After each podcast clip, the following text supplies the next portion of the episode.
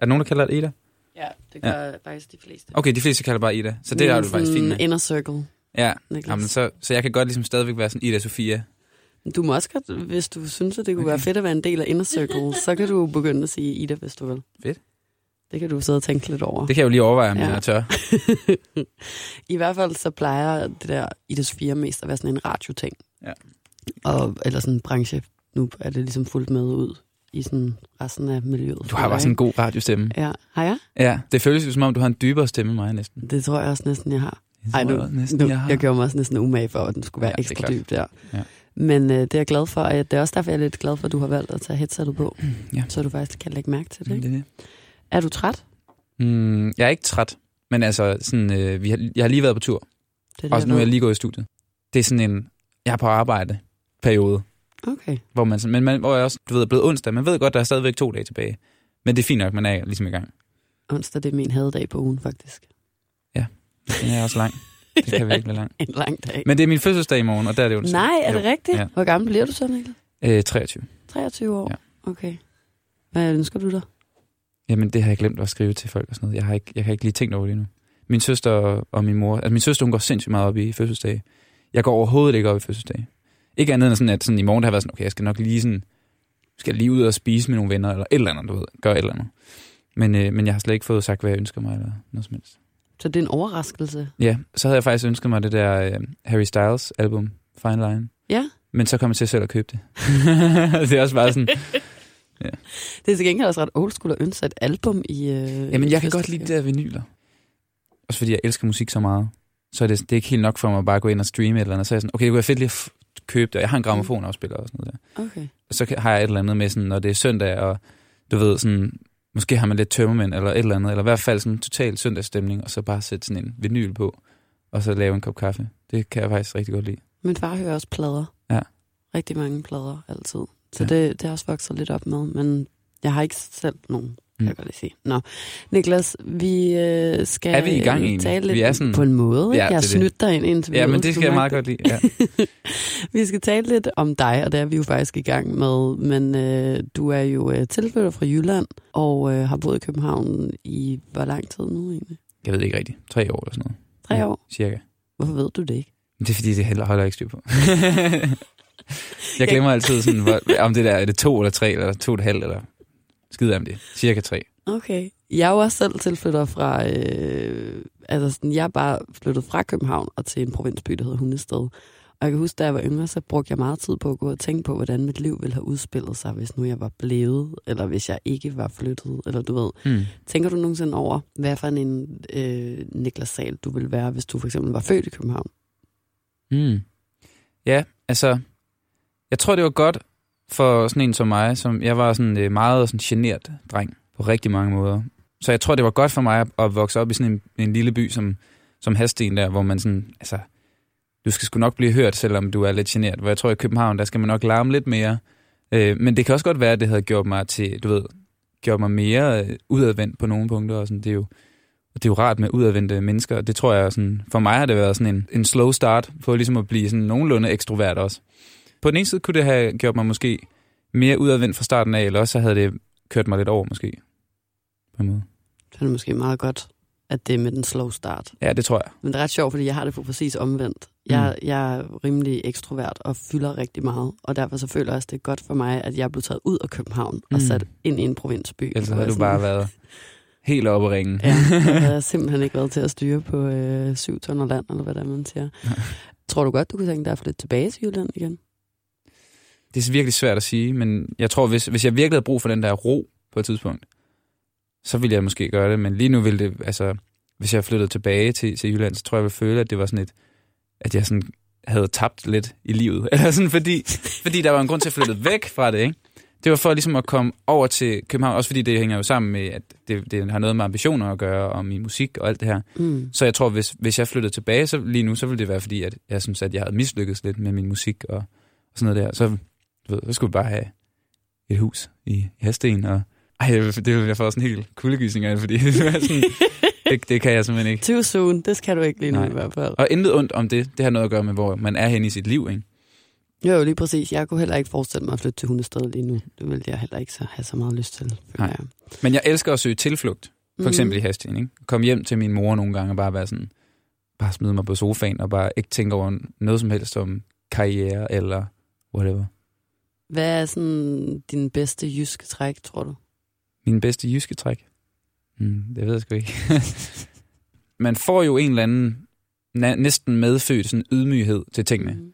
Jeg tror, det er ret godt for mig. Jeg har altid sådan været god til det der med, sådan, at hvis jeg får en rigtig god nyhed, så er jeg sådan, jamen, så venter vi lige at se, om, om det nu sker.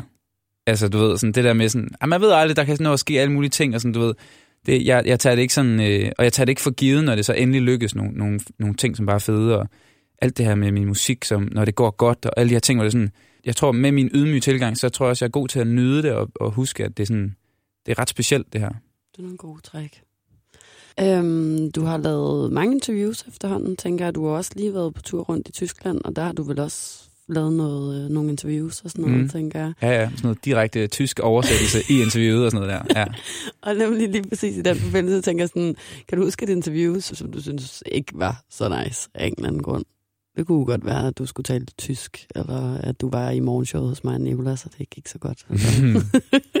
ja, men jeg er jo, jeg, jeg elsker jo, og, altså det kommer jeg også til efter det her interview, så tænker man over, hvad fanden har man egentlig sagt, og mm. kunne man have sagt noget, der var federe og bedre, eller et eller andet, ikke? Altså det er jo sådan en, det er en sjov ting, det der med at gå ind og lave et interview, fordi man i virkeligheden, man vil jo, man vil jo enormt gerne fremstå så, så godt som muligt, man vil også gerne fremstå så ærligt som muligt, og man vil gerne give noget, som øh, lytteren synes kunne være interessant, eller inspirerende, eller et eller andet, ikke? Og nogle gange, så tror jeg bare, jeg har lavet nogle interviews, hvor jeg bare, ja, du ved, sådan, jeg tror sgu også, jeg har lavet mange interviews, hvor, hvor folk spørger, "Nå, hvordan er det så? Og, sådan noget. Du ved, og det er måske også et dårligt jysk træk. Nogle gange, man kan være sådan lidt sådan, ej, men det er bare rigtig fedt. Det er bare så dejligt, det går bare så godt, det hele. hvor man måske er kommet lidt ud af et interview, hvor det er sådan lidt sådan, nå, men jeg gav jo ikke noget. Altså sådan, men hvor det har været ægte nok. Altså, det var, det var sikkert bare mega fedt, alting. Og jeg kan huske en gang, jeg blev spurgt sådan, om sådan en meget klassisk ting på sådan en promotur, hvor man, altså, hvor man bare skal hurtigt ind i et interview i fem minutter, og så til næste, og sådan noget, hvor, hvor det er sådan noget med, hvad er din yndlings-emoji? Jeg tror, det er sådan noget med, hvad for en emoji beskriver dig? Og det havde jeg bare aldrig tænkt over før. Du ved, sådan, så fandt jeg sådan et eller andet øjebliksbillede af, hvordan jeg lige havde det. Så jeg sådan, jeg er den der, der smiler meget. Nej. og det var det mest sådan, ligegyldige emoji-svar, du overhovedet kunne give. Fordi folk, sådan, "Nå, nå, han er bare sådan en glad.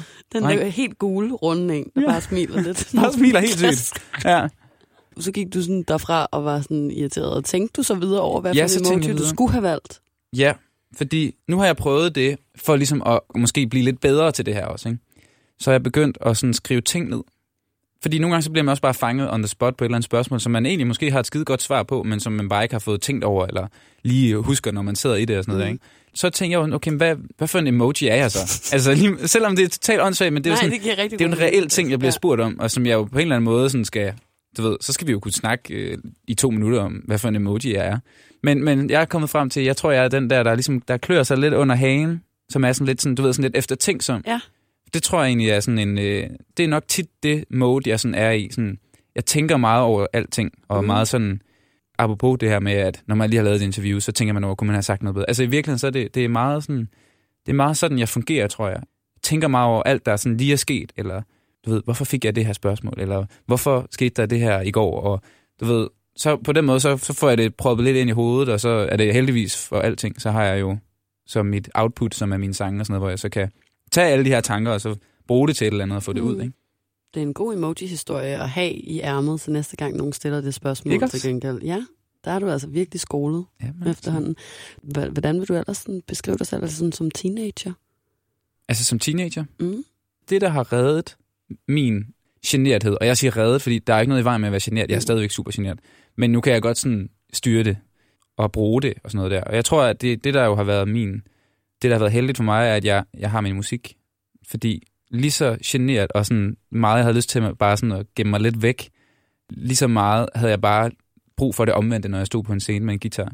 Altså der er ligesom sådan en, der er ikke rigtig noget, der kan stoppe mig der, og min selvtillid, altså jeg tror så meget på, at jeg er god nok deroppe, ikke? Så der, der har slet ikke den der generethed der, den, den får ikke rigtig en chance til at komme frem der. Og det er måske mere sådan noget, der er kommet ind for de sidste måske fem år eller sådan noget. Det der med at kunne få tage noget af det der, fra, man har fra scenen. Altså den der, det er jo noget, jeg har i min krop, noget, jeg kan finde frem. Mm. Og så har jeg været sådan, det må jeg også kunne få frem, også bare som person. Det der med sådan, når, når jeg møder mennesker og sådan noget der, hvis, altså jeg, jeg må kunne finde noget af den der selvtillid, som jeg har på scenen, og få, få det ligesom ja, med i den pakke, jeg er som menneske. Det synes jeg er sådan, det, det er rigtig fedt, og for mig er det der mærke, det synes jeg, du ved, det er noget, jeg i hvert fald oplever, at begynder at lykkes for mig en lille smule. Nogle gange så falder jeg også ned i et generet hul, men det er sådan lidt, hvad det er. Det kan jeg også godt acceptere, fordi sådan er det jo. Men der er også mange ting med mit job og sådan noget der, hvor jeg jo ikke kun skal stå med en guitar og være selvsikker. Jeg skal jo også sidde her og snakke med dig, og jeg skal stede til møder, og folk skal få en idé om, hvem jeg er. Og det kan jo være nogle enormt sådan, vigtige møder sådan på pladeselskaber og sådan noget der, hvor, hvor jeg måske igen har sådan noget, jeg har måske ikke kvarter i det der møde til sådan at overbevise folk om, at ej, jeg vil det her, alt hvad jeg vil, og jeg, jeg du ved, jeg kan, og jeg, du ved, alle de her ting, hvor man sådan skal, skal udstråle en, en selvsikkerhed, som, som jeg lige skal grave frem, Mm. når der er brug for det. Hvordan graver man det frem?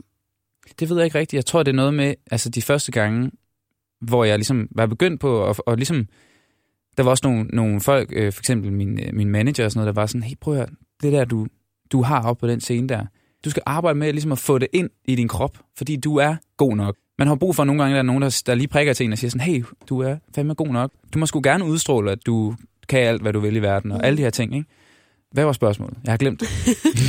Det var, fordi du siger det der med, at du sådan kan tage noget af no. den selvsikkerhed, du har fra scenen, og så Mm. ligesom få det frem i visse situationer. Ja. Og så er det bare sådan, om der er noget bestemt, du siger til dig selv, eller sådan, hvordan du får, får det frem. Jamen, jeg tror, det, det handler om, øh, ligesom når man ikke tør at gå op i rutsjebanen til at starte med, så går man bare ind i den, og så tager man den der tur, og så kommer man tilbage, og så man sådan, "Nå, det kunne jeg sgu egentlig godt lige prøve igen. Mm. Jeg tror lidt, det er det. Man er sådan lidt nødt til at tvinge sig selv ud i en situation, hvor sådan, okay, nu, nu skal jeg sgu være, nu skal jeg lige være lidt mere selvsikker, nu skal jeg være lidt mere åben, og det er jo min fødselsdag i dag, eller det er min releasefest, eller sådan, nu skal jeg lige øh, finde det frem. Og så tror jeg, når man har gjort det nogle gange, og man er lykkedes med det på en eller anden måde, man ikke bagefter tænker sådan, gud, hvor skulle jeg jo bare ikke have været så åben, eller et eller andet. Sådan. Og det gør man jo ikke. Man tænker bare bagefter, hvor det, det er egentlig rart, at, at man bare var sig selv, og man var ærlig, og man var åben, og folk fik en chance for ligesom at, at se, hvem man er. Altså, der findes jo ikke noget meget værre, end når man bliver misforstået. Mm, Altså, nej. og det, det kan man virkelig også gøre nogle gange ved bare at komme og være lidt for genert. Fordi man får ikke rigtig, øh, man får jo ikke vist, hvem man er, man får bare sådan skjult sig lidt, og så, så, er det jo, så bliver folk sådan, "Ah, han er jo sådan lidt en mystisk type, eller sådan, og det er jeg jo ikke. Eller sådan, sådan synes jeg jo ikke, jeg er. Nej, det synes jeg heller ikke, du er. Men føler du, at det har været en, en ting, som, altså, hvor du netop er gået fra situationer og den slags flere gange, og så sådan ævet dig eller følt dig misforstået på grund af det? At du har været meget genert? Mm, ja, det tror jeg. Altså, de, der har været mange sådan forskellige, tror jeg, situationer, og sikkert også bare måske på sådan en mere sådan bred kamp, at jeg sådan, okay, den her periode, synes jeg måske... Jeg kan også bare huske, du ved, sådan de første år af gymnasiet og sådan noget der, der var jeg også bare sådan lidt... Jeg kom ikke rigtig til de der fester og sådan noget der, fordi jeg ville hellere bare ud og spille musik, eller jeg har måske også altid forfordelt lidt det der med sådan, om det var jo her, jeg havde det allerbedst mm. på Mm. den der scene. Øh, og så kunne jeg godt sådan holde mig lidt tilbage ellers det er både over, fordi det er jo heller aldrig, fordi jeg sådan ikke har været social sammen med andre. Altså, jeg har altid været enormt social og spillet fodbold, og du ved, altid sådan set været, været, haft en masse venner og sådan noget der. Så jeg tror mere egentlig, det er noget, der, der også har betydet meget sådan nu, og hvor jeg sådan... Det, jeg tror også, det er noget med at, at, at blive øh, voksen Mm. på en eller anden måde. Ikke? Det er med sådan, nu kan jeg sgu ikke bare... Du ved, nu, nu, skal vi, nu skal man også vise, hvem man er, og, og ture åbne lidt op. Og, giver mening, måske? Ja, det giver mening. Ja, det er meget interessant, synes jeg. Jeg øh, havde Christoffer inde som Indigos eksklusit for øh, noget tid siden. Mm. Mm. Der talte jeg med ham om, i hans unge dage har været i kompilation med blandt andet øh, politiet. Okay. Og så kan man så tænke på, om, øh, om du nogensinde har været det egentlig. Ja, fuldstændig. Altså, fordi min far er jo politimand. Nå, Så jeg har været i evig kombination med er politiet. Øh, ja, han er politimand. For at være helt ærlig, kan jeg huske en gang, at jeg stjal et... Øh... Det var fordi, der var sådan nogle, øh... sådan nogle chokoladekalender, Julekalender? julekalender, ikke? I, øh, i hver klasse. Og vi er måske faktisk pinligt langt oppe i folkeskolen her. Det havde vi i hver klasse, og, eller i hvert fald, der var i hvert fald i en af klasserne, det var jo bare sådan noget, alle vidste. Der er chokolade i den klasse der. Og så en dag, så, så en af mine gode venner, han, øh, han var måske sådan lidt mere fearless end mig. Og han fik på en eller anden måde taget mig med ind i den her klasse, og så huggede vi sådan et stykke chokolade og lukkede den der låge igen. Jeg havde slet ikke tænkt over, hvad det var, vi egentlig sådan... Så begyndte tankerne at, at køre, ikke? Fordi, Kommer den efter tænk som emoji. hvad så, når det bliver den 19. december? så er der jo, så får Emil jo ikke det der stykke chokolade, som var inde i den 19. så, så brød jeg simpelthen sammen. Nej. Jeg, jeg brød simpelthen sammen, og så, øh, og så måtte jeg jo gå op til læreren der og sige, prøv at høre her. Sådan ret, du ved, sådan grædende. Jeg kom til simpelthen at hugge det der stykke chokolade. Og du ved, jeg tror endda, jeg tog bare skylden selv. Bare sådan, det gjorde jeg. Jeg ved ikke lige, hvad der skete. Det er jeg virkelig ked af. Jeg, jeg kommer med noget i morgen, som kan være sådan erstatning for det. Og så bliver det jo nærmest bare endnu mere mærkeligt, når det bliver den 19., når der bare kommer sådan en, der får sådan en oh, kinder present, du ved. Sådan. ja. Ej, skammens gave. Så, så nej, jeg, jeg holder mig meget inden for lovens rammer. Ja, okay, Ja. det kan jeg næsten forstå. Ja. Ja. Det er må- federe det, sådan. det har været en, en uh, traumatiserende oplevelse næsten for dig. Men altså, det er ikke løgn. Nej. Ja. Ja. Har det noget at gøre med din far politimand, tror du? Det er sådan en retfærdighedsting, ikke? Men det er synes- også klart, fordi det du gjorde der jo faktisk, som du selv sagde, ville gå ud over en anden person. Mm. Nogle gange så kan man jo godt øh, rode sig i ubud med politiet, uden at det egentlig nødvendigvis kommer til at gå Ja. ud over andre mennesker. Præcis. Og det havde du jo faktisk ellers lige gang i der. Med Jamen, det chokolade. Men jeg tror også, det er det. Jeg er sådan en person, der er meget opmærksom på, og hele tiden rigtig gerne vil have, at alle er glade omkring mig. Du ved sådan, jeg har sådan nogle mekanismer, som bare, du ved sådan en, min far han kalder mig sådan øh, diplomaten, ikke? Altså sådan en, der, der altid sådan kan lige sige det rigtige, eller sådan gøre et eller andet, sådan at så redder man lige stemningen, inden den, inden den vipper. Det er også noget med det at gøre, at sådan, jeg kommer ikke sådan rigtig ud i de der situationer, hvor man pludselig er på helt på, på dybt vand, og, og det har også gjort mig til sådan lidt sådan en kontrolperson, tror jeg, Mm. på mange punkter. Er du konfliktsky så, eller hvad? Ja, altså som, som sådan dybt inde i mig, så er, jeg, så er jeg helt klart konfliktsky, men det er igen sådan en ting, hvor jeg sådan, det, det, har ikke, det, det har jeg ikke lige brug for at være. Jeg vil gerne kunne tage det op, og det er jo så virkelig noget, jeg har fundet ud af med, med mit job. Altså nogle gange, så skal man bare gøre et eller andet, som ikke er sådan super rart, og sådan, du ved, hvor man ikke bare kan gemme sig væk, og sådan, fordi det er jo også, jeg er jo også på en eller anden måde chefen i mit eget firma, og jeg skal jo sørge for på en eller anden måde, at, at de ambitioner og drømme, jeg har, de skal også på en eller anden måde øh, lykkes, og du ved, så skal jeg kunne ringe til min manager og være sådan, hey du, nu skal det her lige, og, øh, og det er jo ikke sådan særlig konfliktsky-agtigt at, Mm. at skulle gøre det. Men, men, der, men der er der også nogle ting, som ligesom går imod min person, som er sådan, okay, her er jeg nødt til at arbejde imod mig selv, for ligesom at komme over på den anden side, hvor det er der, hvor jeg gerne vil hen, eller øh, ja. Kan du huske, hvornår du sidst er blevet rigtig vred over noget, så? Eller så sker det? Mm. Jeg ved ikke, om jeg bliver sådan vred. Jeg tror ikke, jeg, jeg, tror ikke, jeg bliver sådan vred. Jeg synes ikke, jeg kan huske, at jeg er blevet sådan... Øh, altså, hvornår jeg sidst var sådan rigtig sur. Jo, da jeg var helt lille, hvor man bare sådan... Ah, du ved... Øh, og lektier og sådan noget. Men, øh, men jeg tror sgu ikke, jeg tror ikke, jeg bliver sur. Jeg tror, at- jeg tror hvis jeg... Jeg kan huske, vi, vi står på, på store vægge, og så sker der et eller andet til en lydprøve. Der er noget teknik, der ikke virker og sådan noget der. Og det er jo fuldstændig for vildt, at jeg står på store vægge. Altså, jeg er jo sådan helt på røven. Altså, det, jeg havde besluttet mig for, at for den dag, jeg vågnede der, det bare sådan, nu skal det bare blive den bedste dag i mit liv, det her. Ikke? Mm. Og det blev det også bare, og det, er jo, det var fuldstændig magisk at stå på store vægge, men det var også med følelserne helt ude på tøjet, ikke? Og der har vi så den her lydprøve, der er nogle teknikproblemer, og på et tidspunkt, så, så bliver det bare lige lidt for meget. Og så kunne jeg måske vælge at blive vred, eller jeg ved ikke, hvem jeg skulle blive vred på, fordi det var jo ikke rigtig nogen skyld, men, Mm.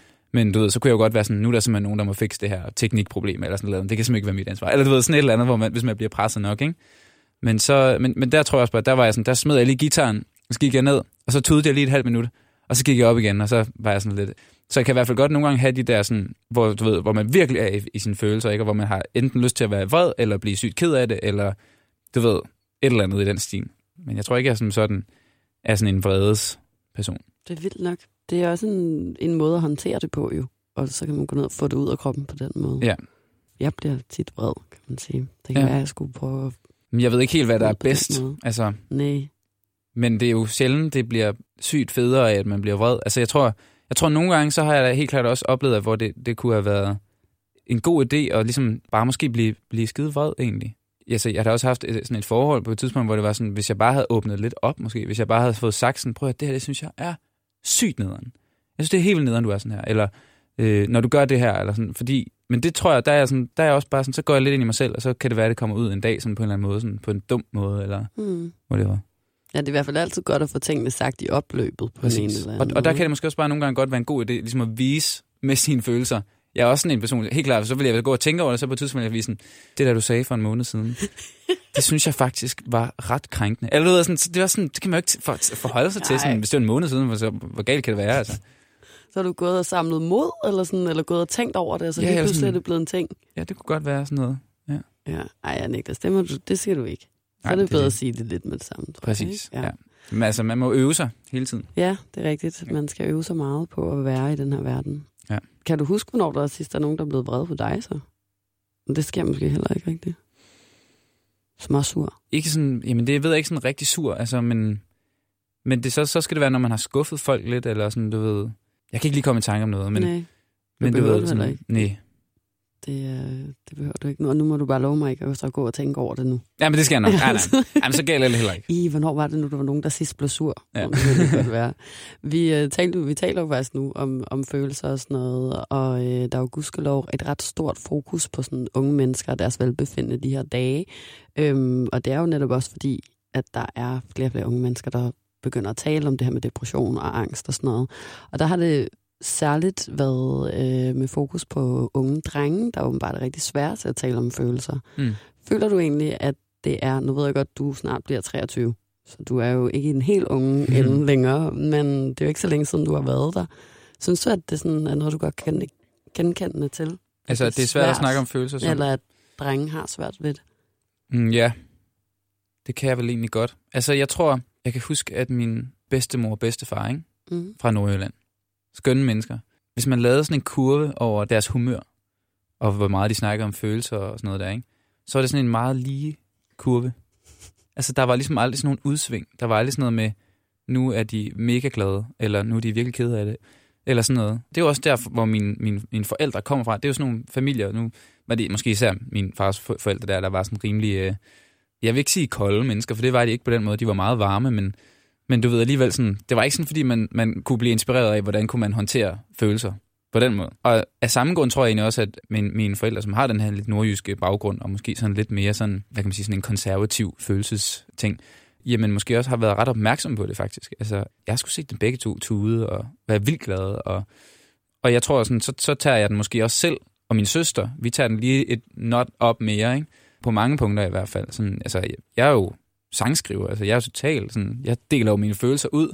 Øh, man kan så sige, det, det er helt klart der, jeg også har et, et outlet, som jeg også nævnte tidligere. Altså, det er ligesom der, jeg får mine følelser ud. Jeg tror, det er sjældent nu, at jeg sådan kunne finde på at græde på den måde, eller sådan, og så alligevel, du ved, så står jeg der på store væg. Altså, det, det sker jo alligevel, men, men det er nok ikke, fordi jeg har sådan det store behov for at snakke om følelser hele tiden.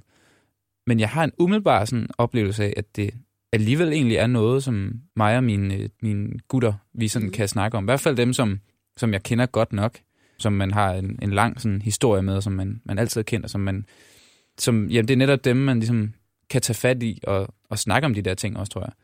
Føler du noget, som er sådan blevet en ting, som er mere normalt at tale om nu, end for fem år siden, for eksempel? Eller er det noget, I altid sådan har kunnet? Mm, jamen, jeg tror bare, det måske også har noget med alderen her at gøre, men at ja, det er måske også sådan først her, nu her, hvor man jo egentlig bliver opmærksom på, at det er enormt vigtigt mm. at skal mm. snakke om følelser. Måske har det noget at gøre med samfundet, der ligesom er ændret sig. Det kan sagtens være. Men jeg synes i hvert fald helt, helt klart først, det, det er nu, der, altså fra da jeg var måske 18 eller sådan noget, der virkelig begynder at ske ting op i, i mit hoved om sådan, wow, jeg har det sådan her med det her, jeg har det sådan her med det her, wow, hvad skal, hvordan skal jeg ligesom navigere i det, ikke? Øh, så, så det er jo også noget med, med den alder at gøre det. Og jeg tror helt klart, det er i hvert fald, jeg føler i hvert fald, det er meget sådan accepteret at snakke om det, ikke? Altså, mm det er ikke sådan, at jeg sidder for eksempel, når vi sidder og snakker om det nu, og jeg tænker sådan, okay, det her det er virkelig sådan, det er virkelig, wow, 2020, eller sådan, sådan har jeg det ikke. Så, så på den måde tror jeg egentlig, at det er, det er noget, man sådan rimelig trygt og sikkert kan gøre. Det er ikke, det er ikke den verden, vi lever i mere, hvor man, ikke, altså, hvor man skal lægge skjul på, hvordan man har det. Men jeg tror med bare, det kommer bare så meget ind på, hvad, hvad for en familie man kommer fra, mm. og sådan noget der, hvordan man, hvordan man har set øh, sine forældre eller sådan familie håndtere ting. Øhm, fordi jeg synes det også, at nogle gange jeg møder nogle, nogle mennesker, især, især øh, drenge og sådan noget, som, hvor jeg ikke sådan helt kan finde ud af, sådan, hvordan har I det egentlig? Er du ked af, at det der skete, eller? Nå, jamen, det er sgu fint nok, du. Det er sådan, okay. Så, og det, og det, gør, det gør det jo også lidt svært sådan, at finde sådan et fælles sådan, følelsesstandpunkt, ikke? Mm. Men der tror jeg så også, at vi er meget forskellige, og det, det tror jeg også, når, når vi snakker her med øh, artister, der kommer ind og, og laver indigo her, eller om man tog ud på helt nord, vest eller et eller andet. Ikke? Altså, jeg tror bare, man har en helt anden tilgang til, hvordan man snakker om følelser. Jeg tror egentlig godt, de kan snakke om det og sådan noget der, men, men der er der ingen tvivl om, at det er en helt anden måde, man gjorde det på. Det kan være, at du må lave sådan en test en dag. Tag derop og prøve at, at se, hvordan de svarer. Jamen, det er sådan set fint nok. Op i Nordjylland, tænker du? Ja, det var måske et meget godt sted at være. Ja, ja. Det kan du godt være. Måske. Men føler du, at... Jamen, jeg tænker, at jeg tror også, der er masser af steder sådan rundt omkring i, på Sjælland eller et eller andet sted, hvor det også kan være svært, som du selv Absolut. siger, så tror jeg, det har, handler ret meget om sådan netop, hvad for en familie man kommer af, eller hvad for et sådan kreds af mennesker, man er i, ikke? Præcis. Fordi, som du siger, så har jeg også sådan, at jeg føler, at det er super acceptabelt at tale om følelser og sætte ord på ting, og jeg føler også, at det er helt op i tiden og nærmest moderne på en eller anden mm. måde at fortælle jo mere og jo dybere næsten, hvordan man har det. Det er Men, også noget med behovet for, altså, er, er der et behov for, at man ligesom er lidt hård? Altså, er der et mhm. behov for, at i den verden, man lever i, eller den, den måde, man ligesom øh, oplever verden, at man sådan, okay, jeg er nødt til bare at, jeg er nødt til at lukke ned, fordi hvis jeg kommer for meget ind i mine egne følelser og sådan noget, så finder jeg ud af måske, hvor forfærdeligt jeg har det, eller hvor, mm. hvor hårdt det egentlig er, det der sker omkring mig og sådan noget. Og jeg tror også, at jo bedre vi har det som mennesker, som, altså, jo bedre er vi måske også til sådan at bare snakke om sådan, okay, her synes jeg faktisk, der er et problem. Det kan, fordi man måske føler, at man kan fikse det ved at mm. snakke om det. Og sådan. Hvor der måske bare er nogle mennesker også, som, som står i en situation, hvor, hvor de ikke kan fikse det ved at snakke om det på en eller anden måde. Ja, og så lader man netop være med at dykke for meget ind mm. i det, fordi så kommer man til at svælge i det på en eller anden måde, ikke? Ja. hvor det kan være svært at håndtere det. Ja. Ja, det tror jeg, du er fuldstændig ret i. Det er i hvert fald tit det, man ser, at kan være grunden til, at folk lige pludselig bryder sammen eller et eller andet. Ikke? Hvis mm. man er gået og ignoreret noget, og ikke har vil anerkende sine egne følelser, og så lige så kan man bare ikke mere. Nej. Nu bliver det også lidt sørgeligt, det her på ja. en eller anden måde. Har du nogle emner, som du synes er svære at tale om? Ja, altså, der er i hvert fald nogle emner, som jeg som musiker eller som artist ligesom ikke tager op. Det kan jo godt være, at jeg gør en dag, men, men i det hele taget egentlig sådan, der, der er jeg i hvert fald meget opmærksom på, at jeg er musiker. Jeg er god til at snakke om musik. Eller i hvert fald prøve at blive god til at snakke om musik.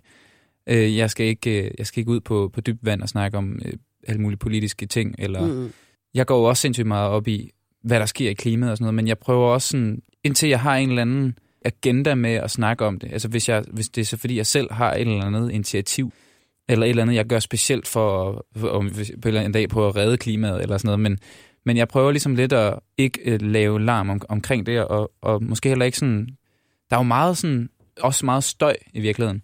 Og jeg har i hvert fald ikke lyst til at være en del af støjen, som går ind og ligesom går imod det, som, som netop er politik, eller sådan noget, som er folk, der har nogle vigtige ting at sige. Og så, så jeg i hvert fald, sådan, hvis, hvis folk spørger mig om sådan et eller andet øh, politisk spørgsmål, eller sådan noget, så, så vil jeg forholde mig meget neutralt og meget sådan, du ved, sådan, det vil jeg ikke svare på, men det vil være sådan nogle emner, jeg nok ikke vil tage op. Mm. Det er jo ret tydeligt, at du er ret dygtig til at sætte ord på dine følelser, eller sådan at mærke efter i din egen krop og sådan noget, synes tak. jeg. Øhm, hvordan tror du, hvis man har svært ved det som ung i dag, at man kan blive bedre til det? Ja, så jeg fandt det jo gennem min sangskrivning, ikke? Det der med, at jeg prøver at sætte sig ind i sådan, jeg har den her tanke, som jeg kan mærke i min mave, gør det her. Men, men der er jo ikke nogen sådan, du kan jo ikke sætte ord på det på den måde. I hvert fald sådan, fordi det, det, folk oplever de her følelser helt forskelligt. Men for mig var det netop det der med at prøve at sådan sætte mig ned og skrive en sang, spille det for nogen, og så er de sådan, jeg forstår, hvad du mener. Jeg har det på samme måde. Eller sådan, det der med, at i virkeligheden, så er vi jo enormt ens. Så jeg tror også, det er det der med, enten så skal man, man skal jo finde måske sit, sit output, det kan netop bare være sin gode ven, eller veninde, hvor man, hvor man kan sige, prøv jeg har det sådan her, det er sygt mærkeligt, kender du det? Og så som regel, så vil jeg sådan, ja, det kender jeg sygt godt. Altså, det kender jeg virkelig godt. Det tror jeg er en af måderne, det der med at finde ud af, hvordan kan jeg ligesom få sagt til nogen, eller få skrevet ned, eller gjort et eller andet, det er virkelig svært at sige, hvad man fanden man skulle gøre, ikke? fordi det er, jo, det er også forskelligt. Det er jo ikke alle, der kan sætte sig ned og skrive en sang, for fanden. Øhm, men man skal på en eller anden måde lede efter, hvor, hvor er det, man kan have sit output henne, tror jeg. For at finde ud af, at man jo bare er helt normal. Så i hvert fald på en eller anden måde få det ud. Ja. Ja, man kan jo godt sige, at du har slået igennem i en forholdsvis tidlig alder. Tror du, at du har sådan andre bekymringer end andre unge mennesker på din alder?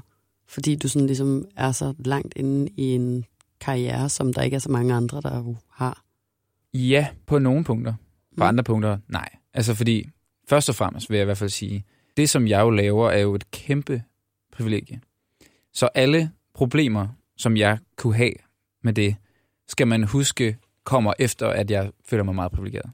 Og det er altid meget vigtigt at sige, fordi prøv at det, det er det vildeste at få lov til at leve af sin drøm Og gøre det, som, som jeg gør. Der er så mange, der gerne vil gøre det her. Men det er klart, at det er jo også sådan en... Øh, jeg, er jo, jeg er jo evigt ambitiøs. Altså, jeg når man når til det her punkt, så vil man gerne, okay, kan jeg så komme hertil, og okay, kan jeg så komme op og spille på en endnu større scene, og igen, heldigvis for mine jyske rødder, så er jeg god til at nyde og huske på, at det er vildt, at jeg står her og jeg, et eller andet sted på en, den vildeste scene, eller et eller andet.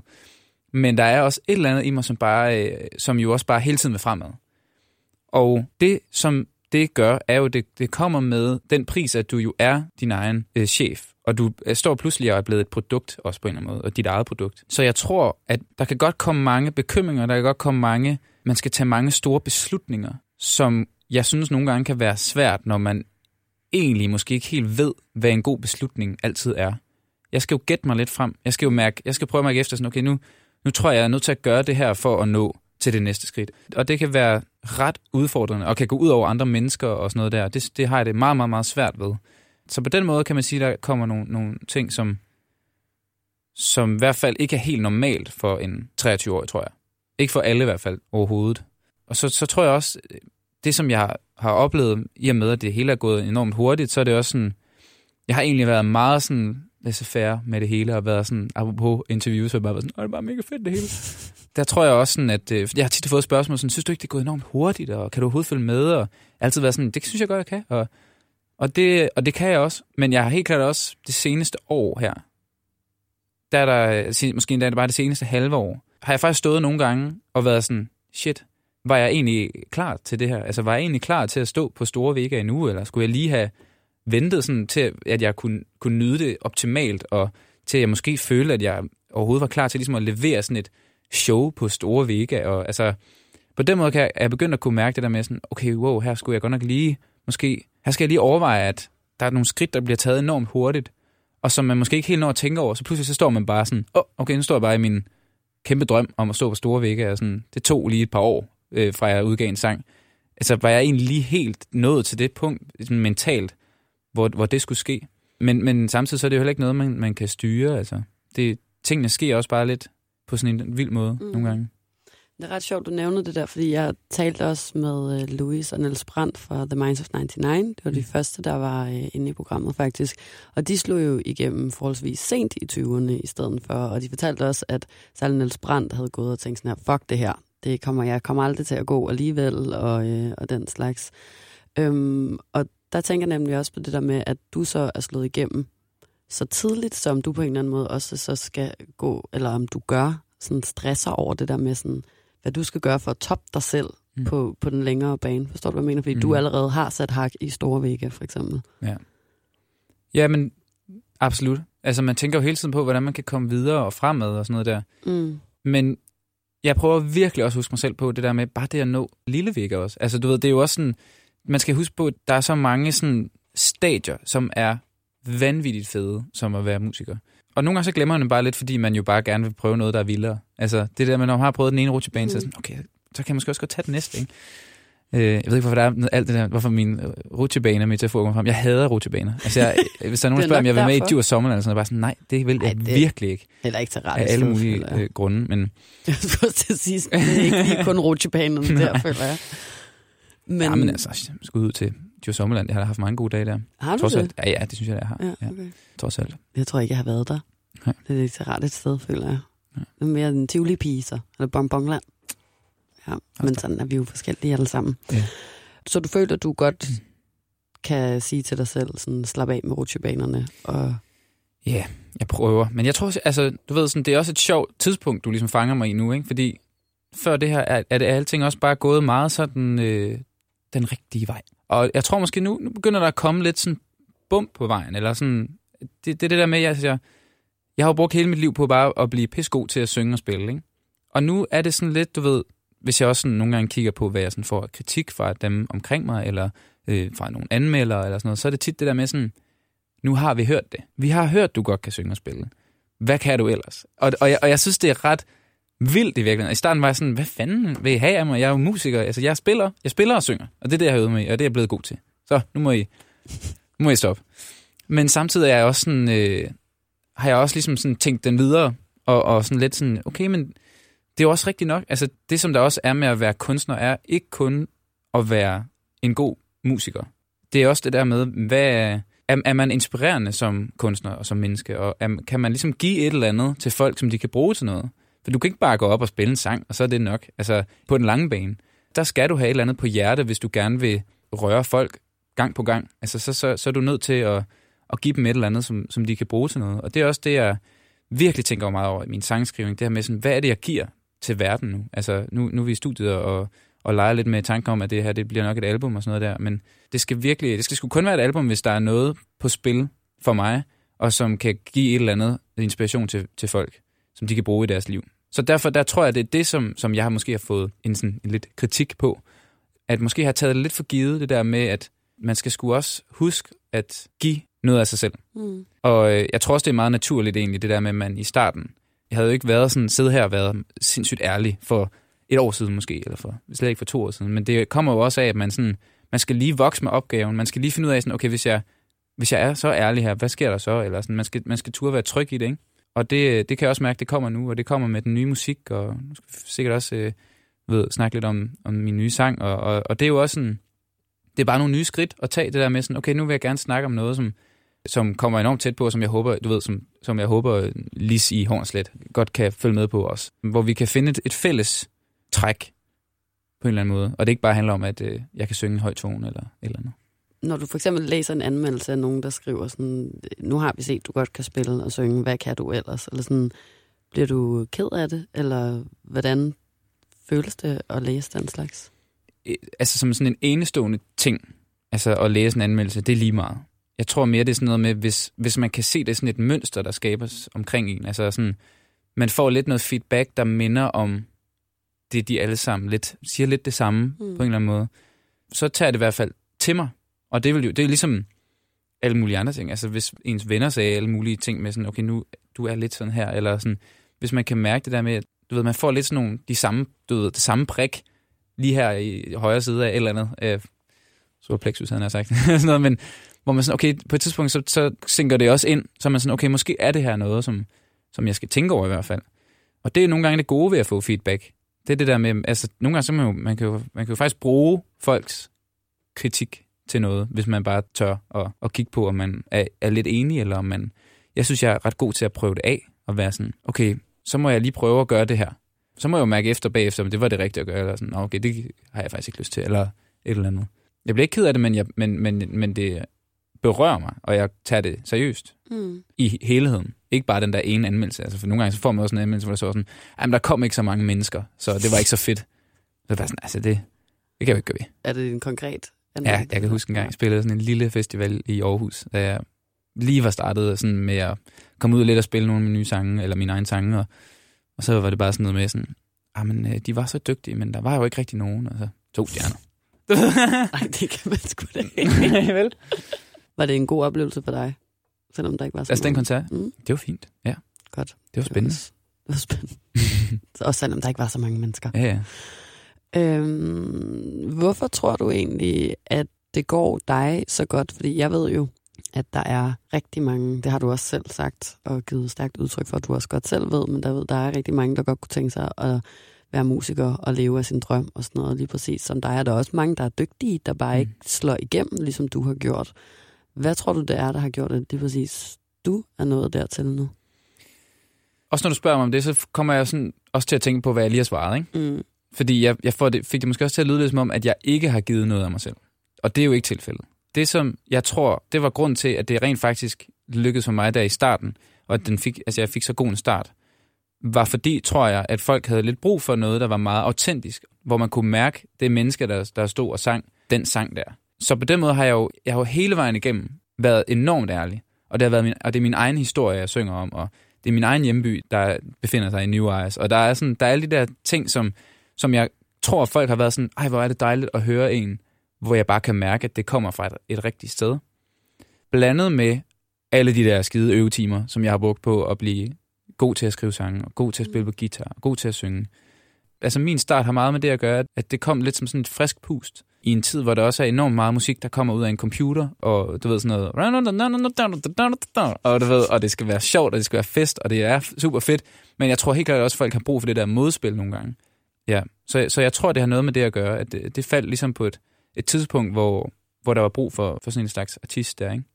Det er også det, der er ret specielt ved dig, føler jeg, fordi du, nu nævnte du også selv det der med, at du begyndte at være mere ærlig, eller give mere dig selv. Men jeg føler nemlig også første gang, jeg så dig stå på en scene, at der alligevel er sådan en energi omkring dig, som er sådan, så kan det godt være, at du ikke står og fortæller om dine inderste følelser, sådan ordret, eller hvad ved Mm. jeg. Men at det er meget den der sådan ro, du kan have også, som også kan virke meget ærlig på en eller anden måde. Ikke? Mm. Eller sådan, jeg ved ikke, om det giver det er også det, jeg tror, jeg tror altså for, måske, for det er jo svært at vide, hvad, hvad det er for nogle mekanismer, der sker og sådan noget der, og hvorfor, hvorfor er det pludselig, man får en anvendelse, hvor folk de ikke helt kan mærke en, eller alle de her ting. Øh, men jeg tror også, det har noget at gøre med, når sådan en, en musik, eller sådan en musiker som mig, øh, vokser med den her opgave, så på et tidspunkt, så, så kan det også godt være, at man måske er kommet lidt for langt væk fra udgangspunktet. Mm. Altså det der måske i virkeligheden var det, der gjorde, at man fik en skide god start, og at folk de virkelig tabede ind. Der kan man også godt lige pludselig nå til et punkt sådan, okay, shit, øh, måske er lyden blevet lidt for, for stor, når vi tager ud og spiller live, eller måske, øh, du ved, alle de her ting, som man måske bare har gjort, fordi man bare har fulgt lidt med i, sådan, i det, som virker som et naturligt næste skridt, osv. Hvor man måske skal også ture nogle gange og være sådan lidt, hold fast i det der, den der kerne af, hvad man egentlig er, er skide god til. Og det tror jeg nemlig også var meget der med i starten, hvor jeg var meget ude selv og spille bare med min guitar. Altså det er jo stadigvæk, nu har jeg lige været på tur med Tina Dikov rundt i Tyskland, hvor jeg også bare spillede øh, opvarmning og var også bare mig og min guitar. Det er jo det, der er kernen af mig. Det er jo det der med, når jeg står og spiller på min guitar og synger mine sange, så kan folk mærke det. Og så er det, at folk de får den der oplevelse af sådan, her er der en kunstner, der har et eller andet på hjertet, Mhm. ikke? Og det kan man godt forvirre lidt, hvis, hvis der, altså sådan er, det jo, sådan er det jo også for Tina Dikov, når hun står og spiller solo, så er det jo direkte ind i folks følelser. Altså den der med, det her det er Tina Dikov, jeg ser hende, og det, jeg ser ikke andet. Der er ikke noget, der, der forvirrer det her billede af den koncert, jeg oplever med Tina Dikov lige nu. Men lige snart der kommer et band på, så er det klart, at så sker der jo også nogle andre ting. Men så er der jo noget, der går ind og tager den for Tina mm. nogle gange. Så er der en guitar, der spiller et eller andet, eller så er der nogle trommer, der larmer lidt og sådan noget der. Det er jo en del af det. Vi kan ikke, vi kan ikke stå, hverken mig eller Tina, og bare spille solokoncerter hele tiden. Så det vil også blive pisse kedeligt. Man skal virkelig holde fast i, hvad er det, der er magien i, i det. Der tror jeg måske også nogle gange, jeg er kommet til at være sådan lidt sådan, ah, nu skal det bare, du ved, ud over stepperne, og nu skal det bare, du ved, være kæmpe festivallyd, eller et eller andet, ikke? Hvor det, det skal det måske ikke altid. Ikke altid. Nej. Nej. Nogle gange skal det. Nogle gange skal det nemlig, det synes jeg også. Jeg er ret altså, overbevist om, efter at have talt med dig nu, og øh, også bare talt med dig før, at du ligesom altid har vidst, at du gerne vil lave musik, og at du altid har øvet dig, som du også selv har sagt mange gange, og gjort dig sådan umage for at blive dygtig og den slags. Øhm, men hvis ikke du skulle lave musik, eller leve af det, kommer klassiske spørgsmål der. Hvad tror du så, du vil lave? Jeg tror måske endda, vi har spurgt dig om det i morgenshowet, hvor du sagde, du ville spille fodbold eller et eller andet. Har du Ej, det? det, ja, det vil jeg gerne, men det kan jeg sgu ikke. Det er lang tid siden, den drøm, den, den gik lidt i vasken. Jeg kan huske, jeg blev sat af første holdet på et tidspunkt. Jamen, der har jeg ikke været så gammel. Jeg har været sådan noget... Måske har jeg været sådan teenager, sådan noget 13 år. Så det har alligevel været sådan en, den ramte mig, ikke? Sådan gjorde en, shit, mand. Jeg er ikke den bedste til at spille fodbold. Hvad sagde Det- de til dig, da de satte dig holdet? Nå, men det var bare sådan lidt... Øh, jeg tror, jeg havde måske nok set den komme, for jeg var jo ikke den bedste længere. Det kunne jeg jo godt, det kunne jeg jo godt se. Jeg havde aldrig, måske aldrig været den bedste, for at være helt ærlig, men, men det var måske begyndt at gå op for mig, at øh, jeg, jeg bliver i hvert fald ikke professionel fodboldspiller. Så kan jeg huske min træner, han sagde sådan, hey, du skal, øh, du skal bare vide, du, du skal lige træne med anholdet lidt her, og så, du ved, så ser vi lige tiden an. Og Det var sådan meget sådan, det er en fin måde, han fik sagt det på i virkeligheden. Og så trænede jeg med anholdet der, og så havde jeg det bedste fodboldår overhovedet på det der anden hold, og blev anfører, og du ved, det var så fedt. Der, det var fedt ligesom bare at, at, at, i virkeligheden ikke behøve at være den bedste, men bare ligesom gå ind og, og, og blive en del af sådan et hold, og så på et tidspunkt, så, så, blev, så blev jeg en leder, men det var mest fordi, at man måske bare kom med noget erfaring, eller man kom med en eller anden sådan... Jeg var sgu ikke så bange for at, lige at råbe højt der på den der fodboldbane, og slet ikke nu, hvor jeg spillede på, på andet hold. Der var sådan en, så kommer man også med sådan en anden selvtillid, ikke? Øh, tilbage til spørgsmålet. Øh, jeg, øh, jeg ved ikke, hvad jeg ville være blevet, hvis jeg ikke blev musiker. Men det, er- men det er virkelig... Jeg har også sat mig selv i en lidt hård situation der, fordi altså, jeg har jo nærmest vildt brugt hele mit liv på at spille musik. Så lige meget hvad, så ville jeg i hvert fald spille musik. Men hvis jeg ikke kunne leve af dem, så ville jeg jo måske nok prøve at finde et, øh, et eller andet ind i musikbranchen. Altså, da jeg var lille, der lavede jeg jo faktisk radiostation, kan jeg huske. Gjorde du det? Der kom jeg hjem fra, fra børnehave eller fra skole og sådan noget der, og så havde vi sådan et gyngestativ der, hvor jeg boede. Og så øh, på sådan totalt sådan gebrokken engelsk, så var jeg bare sådan, kørte jeg bare og gyngede og lavede radiostation. Og nu kommer den næste sang med Robbie Williams og den, Do it, whoa. Du ved, og så bare, ja, til stor glæde for På naboerne, er jeg sikker på. Ja, men det er jeg da også sikker på. Så det kunne være, at blev sådan en radiovært. Så kan det godt være, ja. Særligt hvis du havde gjort det på engelsk. Hvis Mm. det var det, du øvede på, da du var lille. Det var det lidt. Så godt, jeg nu kunne. Det var sødt. Har du så haft et ungdomsjob? Ja, hvad fanden har jeg lavet? Jeg har, øh, men ikke ret meget, fordi at mit ungdomsjob, kan man sige, for eksempel i gymnasiet og sådan noget, var, øhm, at jeg spillede sådan et festband, ah. hvor vi var ude og spille bryllupper og fødselsdage og alt det der. Og altså, jeg har stået og været, øh, der står et billede af dig på mit bord. Altså, det, Det har er jeg virkelig. fandme også en fed sang. Jamen, det er det. Roll okay. Ja. Jeg tror, jeg, den, den kørte jeg lige i et par år, og det var sygt fedt. Altså, og den vildeste læring. Altså, det er, det er måske den vigtigste uddannelse, jeg har haft som musiker. Absolut. Altså, det man lærer der, og du ved, det, der, der er sgu ikke nogen baggearsmand, du. Der kommer du og slæber selv PA'et ind og helt smadret bagefter og kører hjem fra Sjælland klokken 4 om natten og bare håber på, at chaufføren ikke øh, falder i søvn, ikke? det var nok sådan, det var mit, øh, mit ungdomsjob. Og så har jeg, da jeg kom til København, der, der kunne jeg jo ikke, øh, der kunne jeg ikke leve af at spille musik og sådan noget. Så der solgte jeg chokolade i, i magasinchokolade, og var helt forfærdeligt dårlig til det egentlig. Til at sælge? Ja, jeg tror jeg var god til at sælge umiddelbart. Altså, for jeg, jeg er jo ikke bange for at være på og sådan komme og være sådan, hej, øh, nå, vil du prøve den nye? Øh, et eller andet. Men jeg har sådan en, øh, jeg tror, det er ikke en diagnose, der findes endnu. Jeg er det, der hedder, der hedder jeg kalder for praktisk handicappet.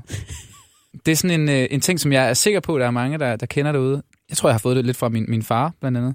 At noget, som kunne virke så simpelt, rent praktisk, kan udfordre mig på et stort plan. Altså, det er lidt svært at forklare her, men det er jo sådan noget, det kan være, øh, at når jeg ser en kaffemaskine, så ved jeg simpelthen ikke, hvad jeg skal gøre. Og så kigger jeg leder op, det er bare sådan en, en typisk situation. Altså, så, så prøver jeg sådan at finde ud af, "Fanden, så skal jeg åbne den der, nej, nej, nej, og så vælter det hele lidt ud, og du ved sådan lidt, og så giver jeg bare op. Så, jeg sådan, "Nå, men så det kan være lige meget. Det kan være sådan nogle mærkelige, mærkelige små praktiske ting, som virker super simpelt for, for alle. Det er det ikke for mig. Så bare det der med, da jeg stod i den der chokoladebutik og skulle gå op og huske, hvad det var, jeg skulle hente fra det der lager, det kunne jeg ikke. så, jeg, så jeg kan huske det der med at komme ned, og så er jeg sådan, prøv at undskyld, jeg kan simpelthen glemme, hvad det var, du sagde, jeg skulle hente. Og så går jeg op igen, og så har jeg glemt det igen, og så tager jeg et eller andet med sådan lidt forskelligt, fordi det, jeg kommer ikke ned og spørger igen. Det er også en af de grunde til, at jeg er bare simpelthen så glad for, at jeg er blevet musiker. Ja. Der har man enormt mange mennesker, der hjælper en med mange praktiske ting. Øh, fordi ellers havde jeg virkelig øh, stået og, og været meget udfordret som menneske, tror jeg. Men måske ville det også være godt for mig at, du ved, jeg, jeg prøver at øve mig så meget jeg kan. Jeg skulle til at sige, fordi nogle gange så kan det Mm. også altså, handle om, at man måske bare synes, det er lidt kedeligt at sætte sig ind i, hvordan kaffemaskinen den fungerer, ikke? Jo. Jeg kalder det kopimaskinen-syndromet. Det er også et rigtig Mm. godt navn. Ja, jeg har selv lidt af det også, tror jeg faktisk, nu du, nu du siger det. Men ja. Jeg har også fundet ud af, særligt efter min mor har sagt det til mig et par gange, at det også handler om, at jeg skal tage mig sammen og sætte mig ind i, hvordan det fungerer, og så skal mm. det nok sætte sig fast på et eller andet tidspunkt. Ja, Ikke? Men det vil jeg også vælge at lade være med at gå videre ind i nu. ja. Øhm, kan du huske, hvordan, eller sådan, hvornår du opdagede, at du havde en stemme, der rent faktisk lød øh, bedre end gennemsnittet? Ret tidligt. Jeg tror, det er, jeg, jeg startede i musikskolen, og det var faktisk et år for tidligt i forhold til, hvornår man vist nok måtte starte og sådan noget der. Så jeg, jeg kom også sådan lidt hurtigt i gang, og fik sådan, det var sådan en god, sådan en, altså, det der med, at du ved, min guitar lærer at rose mig, og du ved, jeg, jeg fik allerede ret tidligt sådan ret meget ros, kan jeg huske, i musikskolen. Og så spillede en koncert, og folk kom sådan lidt op og bare var sådan, det var bare gode tilbagemeldinger, sådan, du ved. Øhm, jeg ved ikke helt, hvordan jeg sådan, om jeg gjorde det for at få ros eller sådan noget dengang. Det, det tror jeg altså ikke, jeg gjorde. Jeg tror bare, det er, fordi jeg synes, det var sjovt. Og, altså, det, har, det må have, have en eller anden sammenhæng med, at jeg selv synes, jeg var god. Altså, at det var derfor, jeg så gerne ville. Og, øhm, så det var, det var i hvert fald helt klart derfor, jeg blev ved. Altså det der med, at man blev ved med at, ligesom at få, få gode oplevelser med at stille sig op på den her scene, og igen det der med at være generet, og så bare gå op på en scene, og så lige pludselig være at snakke med en, og sådan, Nå, okay. Og du ved, så havde man noget at snakke om, fordi de roste jo en. Altså sådan, det er fandme nemt at snakke om. Altså, lige til at sige, det er altid skønt at tale om, Ja. eller med i, eller hvad- man kalder det, Ja, når det andre det. mennesker bare roser en. Ja. Tag Øhm, imod. Men, men på mange måder tror jeg bare egentlig generelt, hele sådan min passion for musik og sådan noget, er bare vokset sådan meget naturligt.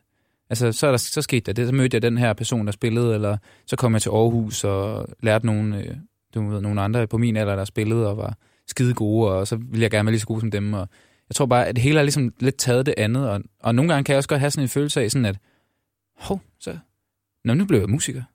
Så skete det jo. Og det, og det tror jeg bare, fordi det altid har været, jeg har bare altid kommet til at bruge al min tid på det. Øh, ja, og så tror jeg bare, så, så, er det, så er det jo vidderligt sådan noget, der kan ske. Mm. Hvis man lige pludselig bare er blevet pisse god til et eller andet, så kan det jo faktisk øh, gå hen og blive, øh, blive noget, man lykkes med. Var det tilfældigt, at du endte med at spille guitar, eller sådan afprøvede du andre instrumenter af inden? Kan du egentlig spille på andet klaver? Det er ikke rigtigt. Nej. Jeg kan ikke rigtig spille på andet. Altså, det er jo svært at sige. Da jeg var fire, så fik jeg ligesom... Jeg, min, jeg tror, min, det var min søsters øh, plastikguitar, jeg samlede op og spillede på. Altså, så det startede allerede lidt der. Mm. Øh, og hvor jeg gik ned og spillede for naboerne og fik et stykke slik for at spille en sang og sådan noget, du ved. Det, altså af en eller anden grund har jeg bare altid synes det var fascinerende at spille på den der guitar og synge og sådan noget der. Og så havde jeg jo en, en, en pædagog i 0. klasse, som, som spillede og sang, og som, altså, jeg kan huske, at jeg engang fik lov til at, at, at ligesom, sådan låne hendes plekter. Det er sådan et, du ved, man, man bruger til at spille øh, på gitaren med, som, så man ikke smadrer sine fingre. Og, og bare det der med at have det der plekter, hun er bare sådan, wow, mand! Det var så vildt. Og så, du ved, så fik hun det igen. ikke noget med at snuppe det. Nej, nej, det er det. Nej, nej. nej, det kan jeg love dig for. ja. øhm, nu, vi skal tale sådan lidt om din sangskrivningsproces. Og jeg har øh, opdaget, efter at have talt med forskellige artister nu, at det er meget forskelligt egentlig, hvordan folk går til værks. Mm. Hvis du skal skrive en sang, hvordan foregår det så? Og det skal du jo. Mm. Og det kunne sikkert også godt være på forskellige måder, alt afhængig af, hvad for en sang det er. Eller, ja. Men sådan, kommer det for eksempel som en følelse? Starter det som det, og så vil du skrive det ned? Eller? Ja, altså det, det, den allerfedeste måde, kan man sige, mm. at det kan ske på, er, at jeg har et eller andet, jeg har oplevet, eller et eller andet, som jeg virkelig gerne vil have ud af kroppen, på den ene eller anden måde. Øhm, og det er, det er der, det går lynhurtigt. Altså det er, når du ligesom har, det er du skal jo sætte dig ned og skrive en historie. Øhm, og det der med, hvis, okay, jeg har oplevet det her, det starter her, øh, så skal vi lige lidt herop, og du ved, og så, så, bliver, så bliver det også lidt sådan en, øh, det bliver også lidt håndværk, sådan, så skal vi lige, du ved, sådan, øh, du ved, sådan, her skal der være noget klimaks på en eller anden måde i historien, og så skal den lige have et twist her, og du ved, øh, de der historier, hvor man bare kan se sådan, og der ender den. Der kan man se ligesom, okay, slutningen, det skal være det her. Hvis du, hvis du ved, hvor den starter, hvor den skal slutte, så går det hurtigt. Altså, mm. det er også derfor, når du hører folk, der er sådan, tror jeg i hvert fald, når du hører folk, der siger sådan noget med, at vi skrev den på fem minutter, sådan, så tror jeg på dem. Det er bare været fordi, at de i deres hoved har skrevet den, inden de sætter sig ned og vidderligt skriver den. Øhm, så det er den fedeste måde. Og der, kan det, der kommer melodi og tekst nogle gange også på samme tid og sådan noget der. Har du øhm, skrevet et nummer på sådan fem minutter nærmest? Jeg tror ikke, jeg ikke på fem minutter, men, men på, på virkelig kort tid. Ja. Helt klart. Mange gange. Og det er så fedt. Øhm, og, sådan, og det kommer også altid bag på en. Sådan, hov, hej, jeg kommer til at skrive en hel sang nu. Og det, og det er så sjovt, fordi det er jo, det er jo skidesvært at skrive en sang. Hvis man bare skal finde på... Hvis jeg skulle sætte mig ned nu og skrive en sang, så er sådan, oh, okay. Jeg kunne nok godt sætte mig ned og skrive en sang på to timer, du ved, ligesom i P3-sangskriver. Så mm. det kan man godt. Man kan godt ligesom komme ud med et eller andet. Men, øh, men, men, øh, men det, det er virkelig krævende. Men jeg, jeg vil sige, det er, jo, det er jo egentlig ikke så tit, at det er sådan, det forløber sig. Som regel, så sidder man jo i... Man har sat nogle dage af til at skrive nogle sange, og så mødes man med nogle professionelle sangskrivere, og så skal man jo sætte sig ned og prøve at lave et eller andet genialt. Og man kan sige, det er også lidt den eneste måde at gøre det på. Du er nødt til at sætte dig ned og prøve at skrive en sang, øh, hvis du skal være heldig at få skrevet en sang, øh, som er god. Og øh, så, så er det bare, nogle gange, så selv, selv i de der sessions, hvor man, hvor man egentlig ikke har noget at skrive om, så lige pludselig kommer der bare en magi. Og nogle gange så gør der ikke. Men de der dage, hvor der rent faktisk kommer et eller andet magisk element ind, øh, som, som gør, at man bare pludselig har, har gang i en sang, som, som kommer til at betyde helt vildt meget for en, øh, jamen det, det er der, hvor det ligesom, ja, øh, det er i hvert fald også en måde at gøre det på. Eller så, så kommer magien bare fra sådan et tilfældigt mm. sådan lynnedslag. Hvad synes du er det sværeste, når du laver musik? Øh, det synes jeg er tekster, egentlig. Altså, jeg prøver jo så vidt muligt at sådan få... Altså, jeg, jeg har sessions med folk, som... Altså sådan sangskrivning sessions med, med folk, som er engelsktalende tit. Øh, og det, det er jo tit det her med, at det skal være min historie, så jeg kommer som regel med en eller anden idé til, jeg har oplevet det her, eller du ved, jeg prøver sådan løbende at skrive ned, hvad er det, jeg har oplevet, og kunne man skrive en sang ud af det, og så, så sidder man og snakker lidt om det i den her session, og så, øh, og så er det bare fedt, det der med, at man ikke skal sidde øh, og være sådan, kan man overhovedet sige det her på engelsk? Kan man ligesom bruge den her vending, eller... Altså, der, der har nogle gange siddet, i hvert fald når jeg, når jeg sidder og skriver alene, så kan det virkelig være sådan en stopklods for sit flow. Fordi jeg ved faktisk ikke, om man kan sige det, hvor jeg sådan tænker, kæft, hvor er det genialt, det lyder bare så fedt, men det tror jeg ikke, man kan sige. Og der er det i hvert fald helt klart en, en, en kæmpe bonus at have en, en engelsk sangskriverinde, som kan bare være sådan, det kan du ikke sige, eller det kan du godt sige, men så siger du lidt det her. Eller, mm. øh, så det er helt klart, hvis, hvis jeg ikke sidder, hvis jeg sidder alene og skriver, øh, som jeg gør ret tit, så er det, så er det helt klart teksterne, der er, der er på en eller anden måde problemet. Men det, det er jo ikke historien i sig selv. Det er med det der med at få det skrevet ned, så det er korrekt, og så det er sådan helt skarpt. Der er jo så mange måder at sige alting på. Øh, og det er, det er nogle gange der, man, øh, hvor jeg synes, det er genialt at have de der sangskriverinde, som bare, altså de, de lever bare af at gå ind og så bare få tingene til at hænge sammen i den der måde, som en sang skal hænge sammen på. Det kan være rigtig fedt at, ligesom, at netop at blande den der professionelle tilgang ind i en historie, som er fyldt med følelser og kunst og alt muligt. Mm. Øh, for ligesom bare at være sådan, så, ligesom, så bliver den sat i, i rammen. Tror du, det ville være nemmere, hvis du skrev på dansk? Det er svært at sige, for jeg har ikke skrevet så meget på dansk. Jeg, jeg, jeg lavede lige en, en afstikker til, den der, til, til en film, der hedder Kollision, mm. hvor jeg skrev en, en sang på dansk. Men det var også et, det var et emne, der kommer enormt nært, fordi det var noget med skilsmisse, og min, mine forældre er skilt og sådan noget der. Så derfor der kunne jeg ligesom finde sådan en... Øh, der havde jeg lidt sådan en følelse af, sådan, jamen der er ikke nogen, der skal bestemme, hvordan jeg skriver den her sang bedst. Altså det er jo bare, her kan jeg jo bruge mine egne ord. Og det tror jeg er fordelen ved at skrive på sit eget sprog, hvis jeg sådan skulle gætte, nu har jeg altså gjort det nok. Men det, det må være det her med, at der er jo ikke nogen, der kan sige, hvordan jeg skal sætte ord på mine følelser. Øh, og det kan man måske godt lidt argumentere for, at der godt må være nogen, der må sige lidt på engelsk, fordi det er ikke mit, min mother tongue. Altså det er der, hvor, hvor der er nogen, der godt må komme ind og sige, dem der snakker engelsk, og være sådan, okay, det her, det, det kan du altså ikke sige, øh, fordi så lyder du altså lidt braggy, eller så et eller andet. Øh, også fordi der er en masse kultur blandet ind i sprog. Ikke? Mm, altså der er virkelig ja. mange ting, som, som vi sagtens kan sige som danskere, som vi måske ikke kan, som vi ikke kan sige til englænder eller amerikanere, og for den sags skyld. Altså, vi er jo meget forskellige. Ja, jeg skulle i hvert fald ikke skrive en sang på engelsk. Jeg kan nok dårligt engelsk. Men på dansk? Altså, jeg, jeg har skrevet nogle festsange og sådan noget. Nå. Jeg synes, jeg er meget god til at få ting til at rime og sådan noget. Ikke? Men, men nej, jeg tror, jeg holder mig til at tale. Ikke så meget sang og musik okay. til mig. Men øhm, hvad er du så dygtigst til, når du skal skrive musik? Jamen altså, jeg... Det er svært at sige. Det kan, også, altså, det kan jo også være det, som er sværest, som man er dygtigst til. Jamen, jeg tror jo, det jeg er dygtig til, er jo at være en sangskrivende artist. Altså, jeg er god til at skrive sange til mig. Det er mm. det, jeg er allerbedst til.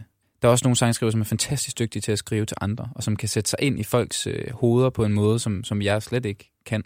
Og som jeg har prøvet, men som det er ikke det er ikke det, jeg er, er bedst til. Altså, jeg tror, hvis der er nogen, der gerne vil have mig ind i en, i en session og sådan noget der, og det håber jeg da, der er nogle gange, øh, men så, så vil jeg jo bringe noget af mig selv ind som, som kunstner, fordi det er ligesom sådan, jeg fungerer. Altså. Så jeg tror, det jeg er god til, er ligesom at, at, at på en eller anden måde sidde i de her, øh, hvis for eksempel det er sådan en session, jamen, så er det det der med at styre skibet lidt. Altså, mm. at være god til at være sådan, okay, jeg synes, jeg synes, du ved, nogle gange så kan det bare være en lyd, man hører. Det er sådan, den der lyd, den er ikke mig. Altså, og det er jo en meget abstrakt ting på en eller anden måde, men sådan, der, du skal simpelthen finde en anden hi-hat, fordi hvis hi-hatten lyder sådan der, så, så kommer vi væk fra mig. Og, og det, er jo, det, er jo en, øh, det er jo noget, man hele tiden arbejder på. Eller jeg har hele tiden arbejdet på det der med at finde ud af, hvad er, hvad er jeg? Og jeg udvikler mig også hele tiden. Ikke? Og det kan man også høre i min musik, håber jeg. Det der med, at man kan godt høre, at jeg bliver ældre. Og man kan godt høre, at der kommer nogle, nogle nye inspirationskilder ind, osv. osv. Men jeg tror også bare, jeg er også god til det der med at sætte mig ned alene og skrive en sang. Og være sådan, nu, nu skal jeg bare... Øh, nu, nu skal jeg ligesom... Det, du ved, det er jo min egen lille terapisession, ikke? at sætte mig ned og bare skrive noget, som, altså Planets og New Eyes er jo basically bare mig, for eksempel, som har siddet på mit værelse og, og sat mig og skrevet om et eller andet. Og så er der selvfølgelig kommet nogen på senere, som har, har hjulpet med at producere det og, og så videre og så videre. Men, men det tror jeg, det er også en meget vigtig ting for mig som kunstner og som, som, som sangskriver, at, at det netop er, at det, det skal komme rigtig meget fra mig, for at det bliver min historie. Mm. For altså lige pludselig så sidder du bare i studiet og skriver, øh, du ved, et eller andet... Øh, beers in the sun. Eller du ved, det bliver bare sådan lidt... Det, og det fungerer sgu ikke rigtigt. Apropos det at være ærlig og, og åbne op, ikke? Titlen på dit nye nummer er ja. ikke Beers in the Sun. Nej. I hvert fald, kan jeg regne ud. Selvom det også er skønt. Det er skønt. Altså, ja. det er et godt sommerhit, der venter forhåbentlig en dejlig, ja, ja. en dejlig sommer rundt hjørnet. Mm. Hvad for en af dine sange har været sværest for dig at skrive så? Eller at lave? Mm. Hmm. Det er et godt spørgsmål. Hvad har været sværest? Altså, jeg har faktisk, altså med den, med den nye sang her, som er kommet ud, som hedder There For You, er måske virkelig et meget godt, det er sådan et, den er, den er virkelig en sjov, sådan, øh, den har haft sådan et lidt sjovt forløb i mit hoved. Altså, den har bare haft et forløb i mit hoved. Fordi vi skriver den enormt hurtigt. Vi skriver den på en dag. Og, øh, og det, jeg skriver det med, med to, jeg aldrig har været i en session med før. Og, øh, og føler måske også sådan lidt, du ved, sådan, så det, på det ene tidspunkt, så er jeg sådan lidt sådan, om nu, nu du ved, apropos lyde, der ikke er mig, sådan, men, jeg, men man må også nogle gange være sådan lidt sådan, nu ser vi, hvor vi ender henne med det her, fordi man kan heller ikke sidde hele tiden og være sådan, nej, det er ikke så meget mig. Altså, fordi så bliver det også sådan lidt en svær session, ikke? Øhm, så jeg kan huske, at vi, vi går fra den her session, og så er jeg sådan, den, den kan fandme et eller andet, den her sang. Men det, det er sgu nok ikke til mig det er sådan lidt paradoxalt, fordi det er jo en, en historie, som jeg har været med til at skrive, og det handler om noget, øh, øh, som er tæt på mig, og, og selvfølgelig også noget at gøre med, med dem, jeg ellers sidder i studiet med, som, hvor vi så har siddet og snakket om det her med venskaber osv. osv. Så det, det er virkelig en ret spøjst, at, at jeg, virkelig, jeg lægger den faktisk lidt væk fra mig selv. Og så er der øh, endnu en gang en, en god grund til at, at, at hvad kan man sige, omringe sig af mennesker, som, som kender en rigtig godt, og som øh, kan være gode til at give den rigtige feedback og sådan noget der. Hvor der bare var rigtig mange, der sagde, prøv den der sang der, den tror jeg, du skal arbejde videre med. Altså, jeg tror, I skal tage den tilbage i studiet og gøre den, altså fjerne de lyde, der ikke er dig. Og sådan, ligesom, prøv lige at gøre det her færdigt, så, så meget som, som muligt, og så se lige, hvordan du har det, ikke? Og så tog det nogle, nogle gange i studiet, hvor vi tog lidt op, og vi prøvede det forskellige, og hævde lidt nogle forskellige mennesker ind for at, og ligesom prøve lidt at lykkes med den her sang, fordi vi havde sådan en tro på den. Men den skulle bare lige finde sig til rette i mit hoved sådan med, at er det her mig? Og jeg tror også, at det var sådan en, det var noget, jeg også lige skulle ture, og ligesom være sådan, okay, lad os lige give det her en chance, apropos det her også med at, at ture rykke sig lidt, og, og, og måske også gå efter noget, som er sådan lidt grænseoverskridende. Fordi det kan faktisk være enormt grænseoverskridende, og, og, og du ved, sådan, især nu her med at, at udgive en sang, som man på et tidspunkt har været lidt usikker på, og, og det er jo også noget at gøre med, at man har, har rykket sig på en eller anden måde. Men, men på et tidspunkt, så sidder vi i, i Nashville, mig og min producer, Birk, og Birk og mig, vi har jo sådan et, øh, dem der ikke kender til, til det her partnerskab, vi har, vi, vi er jo, øh, vi har arbejdet sammen i fire år, og startet med bare at lave musik sammen, og så er han blevet min manager også, og vi er ligesom dem, der tager beslutningerne sammen, og det er, det, det, vi sad så i Nashville, og, og så åbnede vi op for den her sang, og en flaske rødvin, og så var vi sådan, okay, lad os lige sådan komme ind til essensen af den her sang, for der var et eller andet, der bare ligesom skulle, jeg vidste, der var et eller andet med den her sang, jeg skulle bare have det til at sådan, jeg skulle have det ind i mit hoved, og så lige så faldt den bare 10 øren, du ved så er det bare sådan, nu kan jeg mærke den. Nu kan jeg mærke, du ved, sådan, det, er de rigtige, det er den rigtige produktion, og, og, og, og måden, det ligesom blev sunget på, øh, og sådan, det var sådan en, det var faktisk en, øh, en, det var en svær sang på en eller anden måde at lande, kun af, på grund af følelser. Men hvad var det, der gjorde, at du så lige pludselig kunne mærke den, at den var rigtig? Jamen, øh, det tror jeg var, altså det, det er jo også der, det kan virkelig blive, blive en mærkelig verden, men det kan, det kan jo være måde, man bare synger sang på. Altså der er mange måder at mm. synge sang på. Altså skal den være, skal jeg synge det meget sådan dybtfølt, eller skal jeg synge det meget let?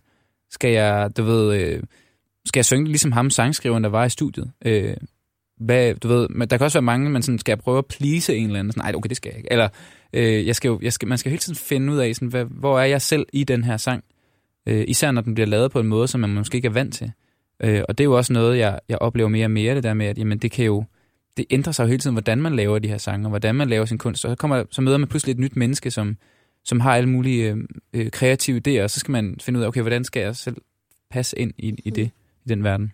Har du sådan et ønske om at skulle røre noget i folk, eller hvad, sådan, hvad håber du, Nej, at det outputtet, hvad håber du, at outputtet ligesom bliver hos dem, der lytter til din musik? Målet er jo altid, at folk kan bruge den der sang til eller andet, mm. man laver. Og, og, og altså, det der gør, at de også i det hele taget synes, det kunne være fedt at komme ind og høre en koncert med mig. Altså, det, og det er jo virkelig det er jo mange ting. Altså, de skal jo stadigvæk synes, jeg synger godt og spiller fedt.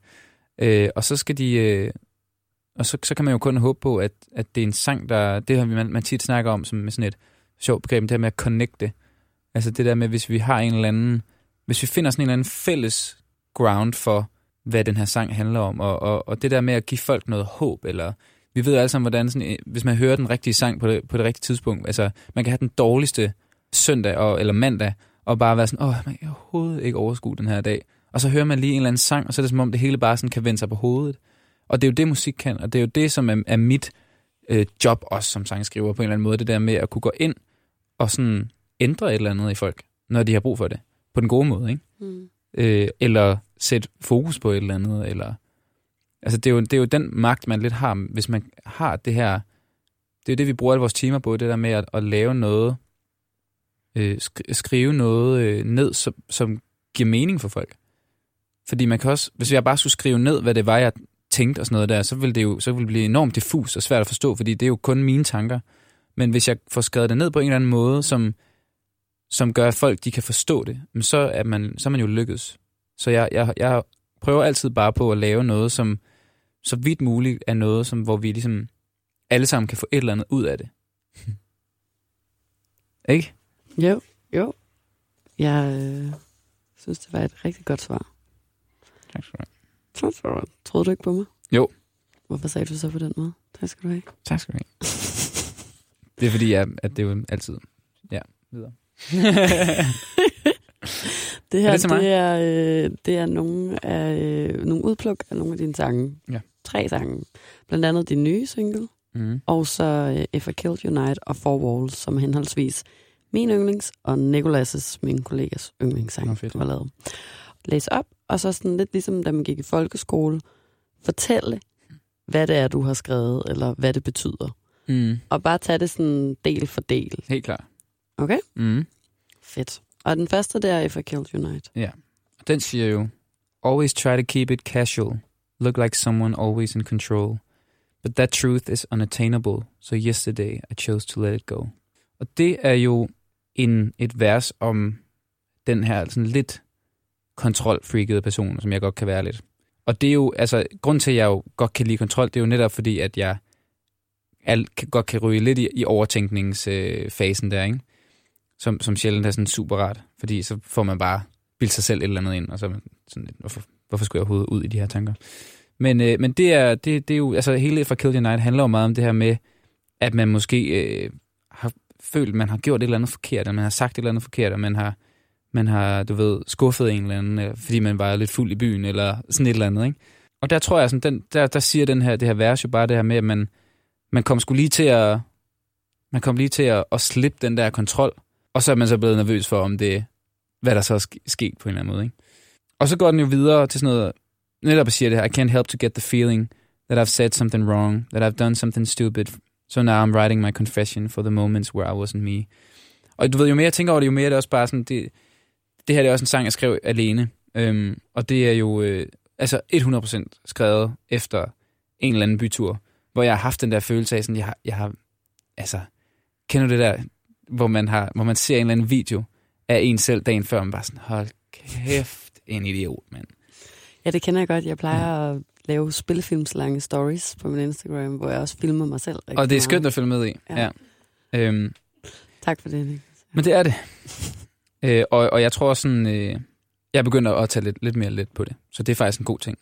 Øhm, men øh, jeg tror, jeg tror, jeg kunne forestille mig, hvor jeg så skriver det her omkvæd, øh, som jo er sådan rimelig, rimelig stort på en eller anden måde tekstmæssigt, hvor jeg siger, Forgive me please if I made you cry. Forgive me please if I killed your night. I didn't think it through. I fell into this mood where things get out of hand. Forgive me please if I killed your night. Det er jo også igen det her med at være sådan en, der, der ikke vil have, at nogen har det dårligt på grund af mig. Altså om det er, fordi jeg har hugget øh, den 19. december chokoladen, eller, eller hvad det er, så er det sådan en, ej, du, må, du ved sådan, man, man har jo bare lyst til at skrive rundt nogle gange til folk og være sådan, prøv at høre, jeg vil bare lige sige sådan, hvis, hvis der var et eller andet, jeg lige sagde i går, sådan noget, altså, det mente jeg altså ikke, det var, det var, det var bare lige fordi, jeg havde fået en øl for meget, eller et eller andet. Og altså, jeg vil sige, til dem, der kender mig, så ved de jo også godt, det er jo meget, meget, det, jeg er ærligt, så tror jeg næsten aldrig, jeg sådan rigtig, har, du ved, såret nogen ved, fordi vi har været i byen, eller sådan Nej, et eller jeg skulle lige Altså, til at sige nu, jeg har det været i byen med dig et par gange, og jeg, kan, jeg ser heller ikke for mig, hvordan du nogensinde skulle kunne få det sådan, have ødelagt nogens aften, Nej. eller har gjort nogen virkelig ked af det, så det var Præcis. begyndt at græde. men jeg tror, men det er jo også mere sådan, det er jo bare en følelse, og jeg tror, vi alle sammen har haft den der følelse, om vi så har gjort noget, øh, der var sådan alvorligt eller ej, så, så kender vi alle sammen den der med, at vi bare har en følelse af, at vi bare har været det største fjols. Altså, jeg kan have siddet med mine to bedste veninder og drukket rødvin, og så kan jeg vågne op dagen efter, og alligevel have sådan, nej, nej, nej, hvorfor sagde jeg det? Nej, nej, nej, nej, jeg bliver nødt til at skrive undskyld, så sådan, jeg kender det virkelig, virkelig godt. Ja. Så den sidste. Nå, så kommer C-stykket her. Ja. Broken bottles in my living room. An angry message on my telephone. I don't know why. Feel I messed up everything with you. Guess I better call you up and say. Altså her vil jeg sige, man skal huske nogle gange, det der med C-stykker, ikke? er jo typisk det sidste, man skriver. Her havde jeg en hel sang, og jeg var bare sådan, Woo! Hæft, det er fedt det her, mand. Wow, man, det er et hit, og jeg du ved, totalt op at køre, sidder alene på mit værelse og bare sådan, yes. Så begynder jeg egentlig bare at lege lidt, tror jeg. Det der med sådan, det lyder bare fedt. Broken bottles in my living room, an angry message on my telephone. Altså sådan, så begynder der bare sådan en, det er igen det der med sådan, ligesom når fodboldspilleren har sygt meget selvtillid, øh, så scorer han bare mange flere mål og sådan noget der. Det er lidt det samme her, når man har skrevet en hel sang, så kommer man til C-stykket, der kører bare, og så kommer der lige de der to linjer, og så falder det hele bare sådan. Det er den vildeste følelse. Det er det virkelig. Så jeg tror faktisk bare, her, her sad jeg bare og Fejret. fejrede bare lidt, du ved. Og så det her billede for mig med, med du ved, man, man øh, kommer hjem, øh, og så er der bare fuldstændig, du ved, alt er bare smadret, og du ved, der står bare fuck dig på væggen, eller sådan noget. og det synes jeg bare er ret sjovt Ja, billede det er det også. Jeg vil tage den næste. Ja, lad os gøre det. Okay, men det var Four Walls. Okay, andet vers igen. Smart. I know I'm not a saint. Every single ghost in my head, you don't need to know about them. Something should stay unsaid. It doesn't mean that I'm doing bad. You just gotta understand. Kan man sige, det her det er jo også lidt en sang, til, øhm, som jeg skrev lidt til sådan min familie og sådan noget der. I hvert fald folk, der sådan står mig, står mig rigtig nært. Hvor det jo sådan øh, handler om, at jeg jo har det godt, og så siger jeg her, altså, altså det her det er også lidt sådan et vers, hvor jeg prøver at sige, sådan, selvfølgelig er det ikke sådan, at alting bare går godt, og sådan, nogle gange så, du ved, så sidder jeg også bare, du ved, om det så er, jeg sidder og skriver If I Kill Your Night, eller sådan et eller andet, hvor jeg har de der tanker, eller, eller whatever, øh, eller bare har en, en lortedag, som man jo bare har. Det er igen det her med sådan, jamen det, det, måske, det, har jeg ikke, det behøver jeg ikke at ringe og sige, hver gang jeg, jeg har det sådan, eller sådan, øh, sådan har vi alle sammen det jo, og, og det er jo også det, jeg prøver lidt at sige med, med Four Walls, det var også sådan en, øh, apropos det her med, at det, alting er gået meget stærkt, og det var jo også den, øh, det, som især min familie spurgte om, kan du godt følge med, og du ved, har du styr på det hele, og hvor jeg jo hele tiden har været sådan, ja, totalt, og, og, og du ved, så, så nu, nu kan man sige, nu kunne det godt være four walls, hvis jeg skrev den nu, så, så ville den nok være, måske lyde lidt anderledes, sådan Mm. at, øh, så havde jeg måske haft mere forståelse i teksten, altså for dem, hvor her der prøver virkelig at være sådan, bare rolig, bare rolig, bare rolig, det går altså virkelig godt, og alt er i, sådan, i den skønneste orden og sådan noget der, ikke? Mm. Og det er den nu også stadigvæk, men, men, men med nye nuancer, ikke? Og så går den videre til, fordi den siger, you, you just gotta understand that there's too many times that you're forgetting. You don't need to call me twice to pick up a second, second fight. But yes, I get it. You fear I'll be unsteady. But I said it a million times. Og så siger den, inside these four walls, I know I'm good. And I don't really need nobody. I don't ever feel alone. Inside of these four walls, I know I'm good. And I can cope with these changes. You just gotta let me go. Og jeg tror også, det, det er også stadigvæk sådan, at jeg har det, det der med, jamen, jeg, jeg er omringet af mennesker, som er helt vildt gode for mig. Jeg bor et, i et dejligt, dejligt kollektiv, hvor vi er otte mennesker, der bor sammen.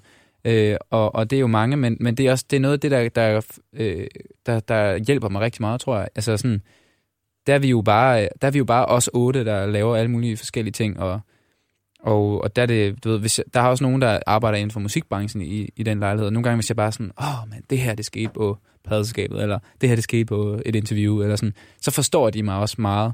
Øhm, og det er jo nogle gange nogle af de ting, som ens familie eller gamle venner måske ikke rigtig kan sætte sig ind i.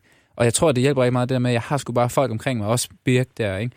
Øhm, hvor vi kan, vi, kan, vi kan virkelig snakke om alle de her ting. Øh, og, og, og alle de her følelser, og det er også noget af det, vi har snakket om tidligere, det her med, at det er sgu bare så vigtigt at have sit output. Øh, og det tror jeg, det er det, der gør, at når tingene går hurtigt, eller man bliver lidt presset, eller sådan et eller andet, jamen så, så holder man ligesom, så kan man sagtens holde i, trods alt. Og så er der den nyeste. Alright. Jamen, uh, There for You, den går sådan her. We grew up singing the same songs. You tried to teach me to moonwalk. Shared every dream for the future. Mm-hmm. Fedt den det. Um, felt we had everything planned out till you ran away with the wrong crowd. We were so close, now you're so far. Og den her sang, det er nok nemmest lige at sige først, altså den handler om sådan et af de der venskaber, netop dem, som de her venner, som man bare kan snakke med om alting. Altså det går så langt tilbage, du ved. Man har oplevet alting sammen nærmest, og bare fulgt ad hele livet, og gået i samme folkeskole, og så gymnasiet, og man, man har bare sådan en fuldstændig fælles sådan fundament, fuldstændig fælles fundament for, øh, hvor man er vokset op, og, og som, som jo danner en enormt meget også. Ikke? Og det der jo så sker, er jo, at på et tidspunkt, så bliver man, så bliver man ligesom, øh, ja, man bliver ældre, og så går man ikke i gymnasiet længere, så man ser ikke hinanden hver dag, og så flytter, øh, så flytter jeg over øh, til København, og bor langt væk fra mange af mine gamle venner der, som, som, som netop er dem, jeg har prøvet at skrive en, lidt en sang om her også, i hvert fald inspirationen fra det, ikke? Hvor, man, øh, hvor man pludselig kan mærke, at venskabet ligesom, ikke sådan, jamen jo, i virkeligheden fader lidt ud. I hvert fald, det er den følelse, man har, men det, det er også bare, fordi man er så vant til, at man bare hver dag mm. hang ud, og man, man, kunne, øh, man, man, man oplevede ligesom de samme ting. Og det er i hvert fald noget, som, øh, som, som, som er en, en meget ægte ting for, for mig, det der med at, at skulle sådan vende mig til, at der, der er mange mennesker i mit liv, som jeg bare slet ikke kan se lige så meget, som jeg egentlig gerne vil måske også, og som jeg kan blive sådan lidt frustreret over, du ved, og så oplever de alle mulige ting, og så glemte jeg deres fødselsdag, og, men det var sådan lidt nærmest lige meget. Eller sådan, det der med, der, der, at man bare bliver kommer væ- længere væk fra hinanden. Ja, så, og så går den videre i, i broen her og siger, And it's like you don't understand what you put me through. I spend all my days trying to be like you. So why'd you go and change into someone new? Og jeg ved ikke rigtigt, om det er mig, der ændrer mig, eller om det er dem, der ændrer, mig, ændrer sig, eller om det ligesom er... Jeg tror måske virkelig bare, det er os, os alle sammen, der jo bare ændrer os. Øhm, som, som, som jo ligesom bare er sådan... Det åbner jo lidt op for den der med sådan, jamen, hvad skal vi, hvad skal vi ligesom gøre? Hvad, hvad gør vi for at holde fast i det her venskab? Skal vi holde fast i det her venskab? Og så, så tror jeg også bare, at den her sang for mig er mere sådan, at jamen, vi skal huske at række vores hænder ud til vores de der relationer, som, som altså, de, de skal jo ikke bare fade ud, bare fordi at man bor to forskellige steder, eller sådan. Mm. I hvert fald ikke, hvis det ligesom er, at det er værd, fordi det er bare så sygt vigtigt at have nogen, som man kan have det der output med, som man kan tage fat i, når man bare har det mega, mega dårligt, eller hvis man er ensom, eller et eller andet, ikke? Altså, så, så skal man skulle have de der folk omkring sig, som altid har været der, som altid vil være der, som kender en, for også før man var øh, indigos ekvisit. og det er sgu vigtigt. Det er sgu skide hammerne vigtigt. Øhm, fordi det, det, er, det er for evigt sådan nogle venner, som, som man vil have et fælles ståsted med, og som, som forstår en på et, på et andet plan. Og så siger omkvædet, Just don't forget that I was there for you when the real life shakes you and your fake friends hate you. Just don't forget that I was there for you when you were way too faded. I would always save you. Don't forget that I was there for you. Og igen det her med, at altså, ord, som i hvert fald står ud i det her øh, om, omkød af sådan noget, the real life og your fake friends. Mm. Øhm, det er jo det her med, pludselig er det jo bare en, øh, en ny virkelighed, det er en meget sådan, det er jo ikke længere, øh, det er ikke længere bare Niklas, der synes, alting er bare så fedt. Øh, eller øh, min gode ven, der bare sådan, jamen alting kører bare på skinner og sådan noget, fordi nu, der kommer bare udfordringer.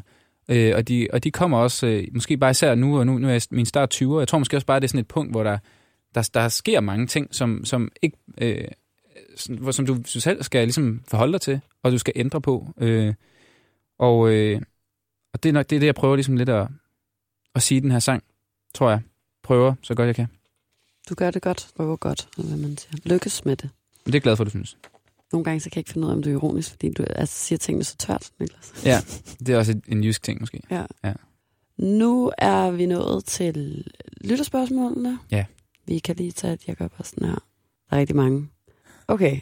Fedt. Din, ja, det var mig, der sådan, det var sådan, det var sådan gjorde sådan her, og så udvalgelse. pegede min finger på spørgsmål nummer tre. Ja. Din sang If I Killed You Night er så relatable. Hvad er det pinligste, du selv har gjort fuld?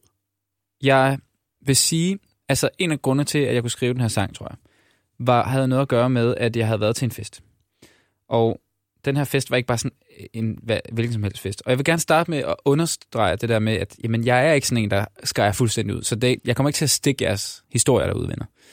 Men alligevel kan den godt noget, den her historie, synes jeg. Fordi jeg er blevet, øh, jeg hænger ud med min, øh, med min øh, sådan en, en, en pladeselskabsperson, min kollega, og vi er ude at spise, og det er rigtig hyggeligt, og vi skal ud og have nogle bajer, og det får vi så drukket. Og så øh, bliver vi inviteret til øh, den gode Christoffers forlovelsesfest. Og øh, det er selvfølgelig fordi, at ham her, min kollega, han arbejder på en eller anden måde med, med Christoffer. Og jeg har mødt ham på gange, men jeg ved sgu altid ikke sådan helt, hvem, hvem manden er og sådan noget der. Men, men anyways kommer jeg til hans forlovelsesfest. Så det var også lidt specielt, var der. Men jeg er sådan, kæft mand, det skal vi sgu da, det kunne da være mega sjovt. Og, og så kommer vi op i, i den her dejlige lejlighed, og øh, der er fuld, fuld fart på. Og jeg ser jo også ret hurtigt, du ved, sådan, jamen, så er Mads Langer der skulle også lige. Og, og der, der er jo mange folk, som, som sådan, det, det er sådan en, det, det var en af de første oplevelser, jeg sådan havde, hvor jeg var sådan i, i et lokale med, med mange mennesker, som jeg jo godt, som man jo godt vidste, hvem var. Men som man jo ikke kendte. Og så tænkte jeg, jeg skal i hvert fald lige, jeg skal i hvert fald lige holde den lidt med ro her. Fordi altså, jeg kan jo ikke, jeg kender jo mig selv godt nok til, sådan, at der skal ikke så meget til, før jeg begynder at tænke, ej, jeg håber godt nok ikke lige, at der skete et eller andet. Og, og, så, øh, og så, så tager min ven Andreas, som er deroppe, han, han tager fat i mig og siger sådan, Niklas, kom lige, vi skal lige spille beerpong.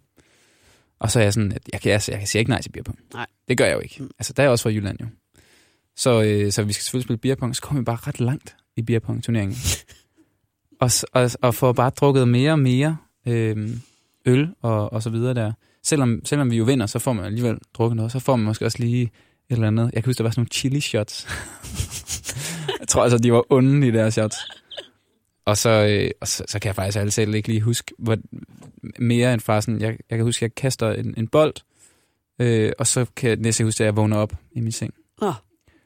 Og jeg vil sige, at den tid, der gik fra, at jeg ikke kunne finde ud af, hvad der var sket, hvordan jeg var kommet hjem, om jeg havde kastet op på nogen skuld. Øh, på nogens på nogens, skuld. Ja, det, og, altså, kæft, jeg havde det stramt med det. Men, øh, men for fat i, i min kollega der, som jeg havde ude at spise med, og var sådan, prøv at jeg kan simpelthen ikke huske, hvordan jeg kom hjem, og du må lige, du må lige hjælpe mig her. Og så fik jeg sådan at vide, nej, men prøv at det, det var, det var sgu okay. Du, du gik bare enormt tidligt der. Altså, jeg tror ikke, klokken var blevet 12 der, vel? Så det var sådan lidt new kid in the block på, øh, på musikscenen der. Så øh, altså, jeg er jo bare rigtig glad for, at det, at, at det ikke var sådan en... Det kunne godt have været min første sådan rigtig pinlige oplevelse. Altså, jeg var i hvert fald bange for det. Ja. Men... Især sådan noget med opkast eller et eller andet. Ja. Det var forfærdeligt. Det havde været rigtig sjovt, hvis du havde gjort ja. det til gengæld. Det er næsten sådan, jeg håbede, udfaldet ville være i historien, men på den anden side, det har også været rigtig synd for dig. Ja, det er det. kastet op til Christoffers forlovelsesfest. Ja. Men sådan håber alle jo lidt, at den historie ender, men det gør ja, den ikke. Nej. Så på den måde er det en dårlig historie. Men du byggede den godt op. Men det er jo det. Og det er jo derfor, jeg er en sangskriver. Så kan jeg, og så kan jeg jo lade som om, det gik helt af helvede til, ja. og, der er, og stuen er helt ødelagt, og der står fuck dig på... Du ved, Kristoffer har været ja. i min, min lejlighed og bare været sådan... Kastet op tilbage på dit gulv. der er øh, en her, der skriver i spørgsmål 6. Hvis du blev anholdt lige nu uden forklaring, hvad vil din bekendte så tro, at du havde gjort? Åh, oh, okay. Wow, godt spørgsmål. Jamen altså, min bekendte, jamen de ville jo være, de ville være i chok. Altså dem, der rent faktisk kender mig, de vil jo netop... Selv jeg vil være i chok. Ja, sådan, ja. De vil ikke ane det, tror jeg. Jeg tror simpelthen ikke, de vil have det. De vil ikke have et eneste bud, det vil være... Særligt når det mest kriminelle, ja. du nogensinde har gjort, er at stjæle den der ene chokolade fra parallelklassen. Ja, præcis. Jeg tror, det var sådan noget, de ville bare gå ud fra, at jeg bare havde meldt mig for at gøre et eller andet, der var sådan mildt. Bare sådan, prøv at bare lige tage mig øh, i håndjern, fordi jeg, det, jeg skal bare ind på... Jeg skal ind, jeg skal ind og tænke lidt. Jeg skal ind og skrive en sang i cellen. ja. Øhm, så er der en, der skriver her. Hvad tyr du til, hvis dit humør er dårligt, og du vil gøre noget for at forbedre det? En ting er jo musik. Det er jo klart, og som vi snakker om, det der med nogle gange bare, altså, hvad en sang kan gøre, ikke? Men øh, jeg er også øh, god til at komme ud og få det løbet. Det, kan, det hjælper mig rigtig meget. Øh, før i tiden var jeg altid at spille fodbold, hvor jeg, jeg gik til fodbold og sådan noget der. Det har jeg ikke helt så meget tid til nu, så jeg har sådan været nødt til at skrue lidt ned for det der med at, at tage ud og spille fodboldkampe. Jeg gør det en gang imellem. Øh, og det er super fedt, fordi så er det bare, man, man tænker slet ikke på noget som helst andet end at jagte en bold. Og det kan faktisk være enormt befriende mm. nogle gange. Øh, den kan jeg også godt få med, med at løbe en tur. Og bare sådan, nu skal jeg bare, altså jeg løber aldrig sådan hyggeagtigt. Jeg løber rigtig hurtigt. Jeg løber alt, hvad jeg kan. Okay. Og, og du ved, sådan at jeg har det virkelig dårligt bagefter. Fordi det, det er sådan en, jeg, det er jo sådan et, øh, først og fremmest fordi, at jeg bare godt kan lide at se, om jeg kan stikke min rekord i, og hvor hurtigt jeg kan løbe 5 km. Øh, og for det andet, sådan, fordi så, så er der ikke noget, der kan komme i vejen af tanker eller et eller andet der. Det er super fedt. Bare lige slippe for det hele, og bare løbe rigtig hurtigt. Så hvis I ser nogen nede på omkring søerne der, der bare kommer styrtende, så er det bare mig. så kast jeg ud til siderne. Hvad er, hvad er rekorden på, om man lige må spørge? Jamen, den er jo øh, på 18 minutter og 18 sekunder Hold da kæft. Ja. ja. så kan jeg da godt forstå, hvis du får lyst til at knække dig bagefter. Ja, det var fandme hårdt, men... ja, men jeg vil sige, det er... Det, jeg har fundet ud af, det er, at når jeg får nogle gange en rigtig god nyhed, sådan noget med, du skal spille på Smukfest i år, eller du ved, et eller andet, hvor jeg bare sådan, wow, bliver helt sådan, hvis jeg, hvis jeg kan tage ud og løbe, lige når jeg har fået sådan noget ved, så løber jeg meget, meget hurtigt. Der sker et eller andet, sådan, hvor man bare kan blive ved og ved og ved. Så det har typisk været, jeg ved ikke, hvad for en god nyhed, jeg har fået der, men den var rigtig god i hvert fald. jeg skulle til at sige, hold ja. kæft, mand. Hvilken koncert er den fedeste, du nogensinde har spillet? Hmm. Jamen altså, jeg har lyst til at sige, at det var Store Vega. Fordi det var det. Fordi det var den største, og det var den mest sådan, betydningsfulde koncert. Mm. Og så kan man sige, at, at alt, hvad der kom bagefter, hvor jeg, havde, hvor jeg netop havde de her tanker om, at det måske var lidt for hurtigt og sådan noget, det var, hvad det var. Men da jeg stod i det, og stod og spillede på store vægge, og kiggede ud over de mange mennesker, der nogle gange var, øh, der, der var jeg i en, i, i sådan lidt en ekstatisk følelse, tror jeg. Og øh, det tror jeg sgu er noget af det, det vildeste, jeg har, har prøvet egentlig. Måske ja. var det, da du fik det at vide, at du var ude og løbe den der rekord på 18. Måske, ja. ja det er ikke engang løgn, det kunne godt være det. Ja. Der er et sidste spørgsmål, og øh, det er, hvad er din livret? Det har jeg faktisk glædet mig til at høre. Okay. Ja. Øhm, der er lidt at vælge imellem. Jeg har øhm, i, i forbindelse med mit øh, dejlige øh, arbejde her, øh, nogle gange været heldig at være ude at spise med nogen, som har et, et kreditkort, hvor der er et meget der er rigtig mange penge på. Så rigtig meget kan lade sig gøre. Og øh, der, jeg, jeg, jeg, jeg, jeg, kan sgu altid ikke huske, hvad, hvad de her forskellige restauranter har, har heddet, men, men det er helt klart en af de her meget sådan gastronomiske oplevelser, jeg, jeg har haft, som bare, altså kæft, jeg har bare elsket det mad, vi har fået. Og det har typisk været noget med, lige pludselig kommer der bare et eller andet ind med noget, med noget trøffel. Og det er blevet sådan en ting for mig, at det er sådan, hvis jeg kan få et eller andet med trøffel, så er det bare sygt lækkert. Det er meget rigt, faktisk. Det er nemlig meget ja. sådan, ja. Og det er jo sådan noget, det får man jo ikke sådan lige... Øh, det, så, så måske, jeg kan ikke huske, hvad noget af det hedder, men der ligger helt sikkert en af de retter, jeg har fået der, som nok er min livret. Men hvis jeg sådan skulle tage noget, som jeg bare elsker at få, og når folk de sådan har lavet, lavet god mad, altså bare sådan en lasagne, altså jeg kan blive, jeg kan blive så fuldstændig vanvittigt lykkelig over en god lasagne. Så jeg tror måske sådan, det vil nok være min, den er altid sikker for mig. Så måske en lasagne med trøffel på. Ja, kan man godt det måske? Det kan du jo Det kan, tror jeg altså, jeg vil prøve, Ja. når jeg kommer hjem. Hvis du kan få fat i noget trøffel, det føler jeg ikke er så nemt. Nej, faktisk. vi må, øh, jeg må ringe til mit pladselskab og høre, om jeg kan låne det der kreditkort Ja. måske. det tror dag. jeg er en god idé. Ja. Tak fordi du havde lyst til at være med, Niklas. Tak fordi jeg måtte være med. Det var rigtig dejligt. Det var det. Det synes jeg også, det var. Så trykker jeg på stopknappen. Okay, stop så.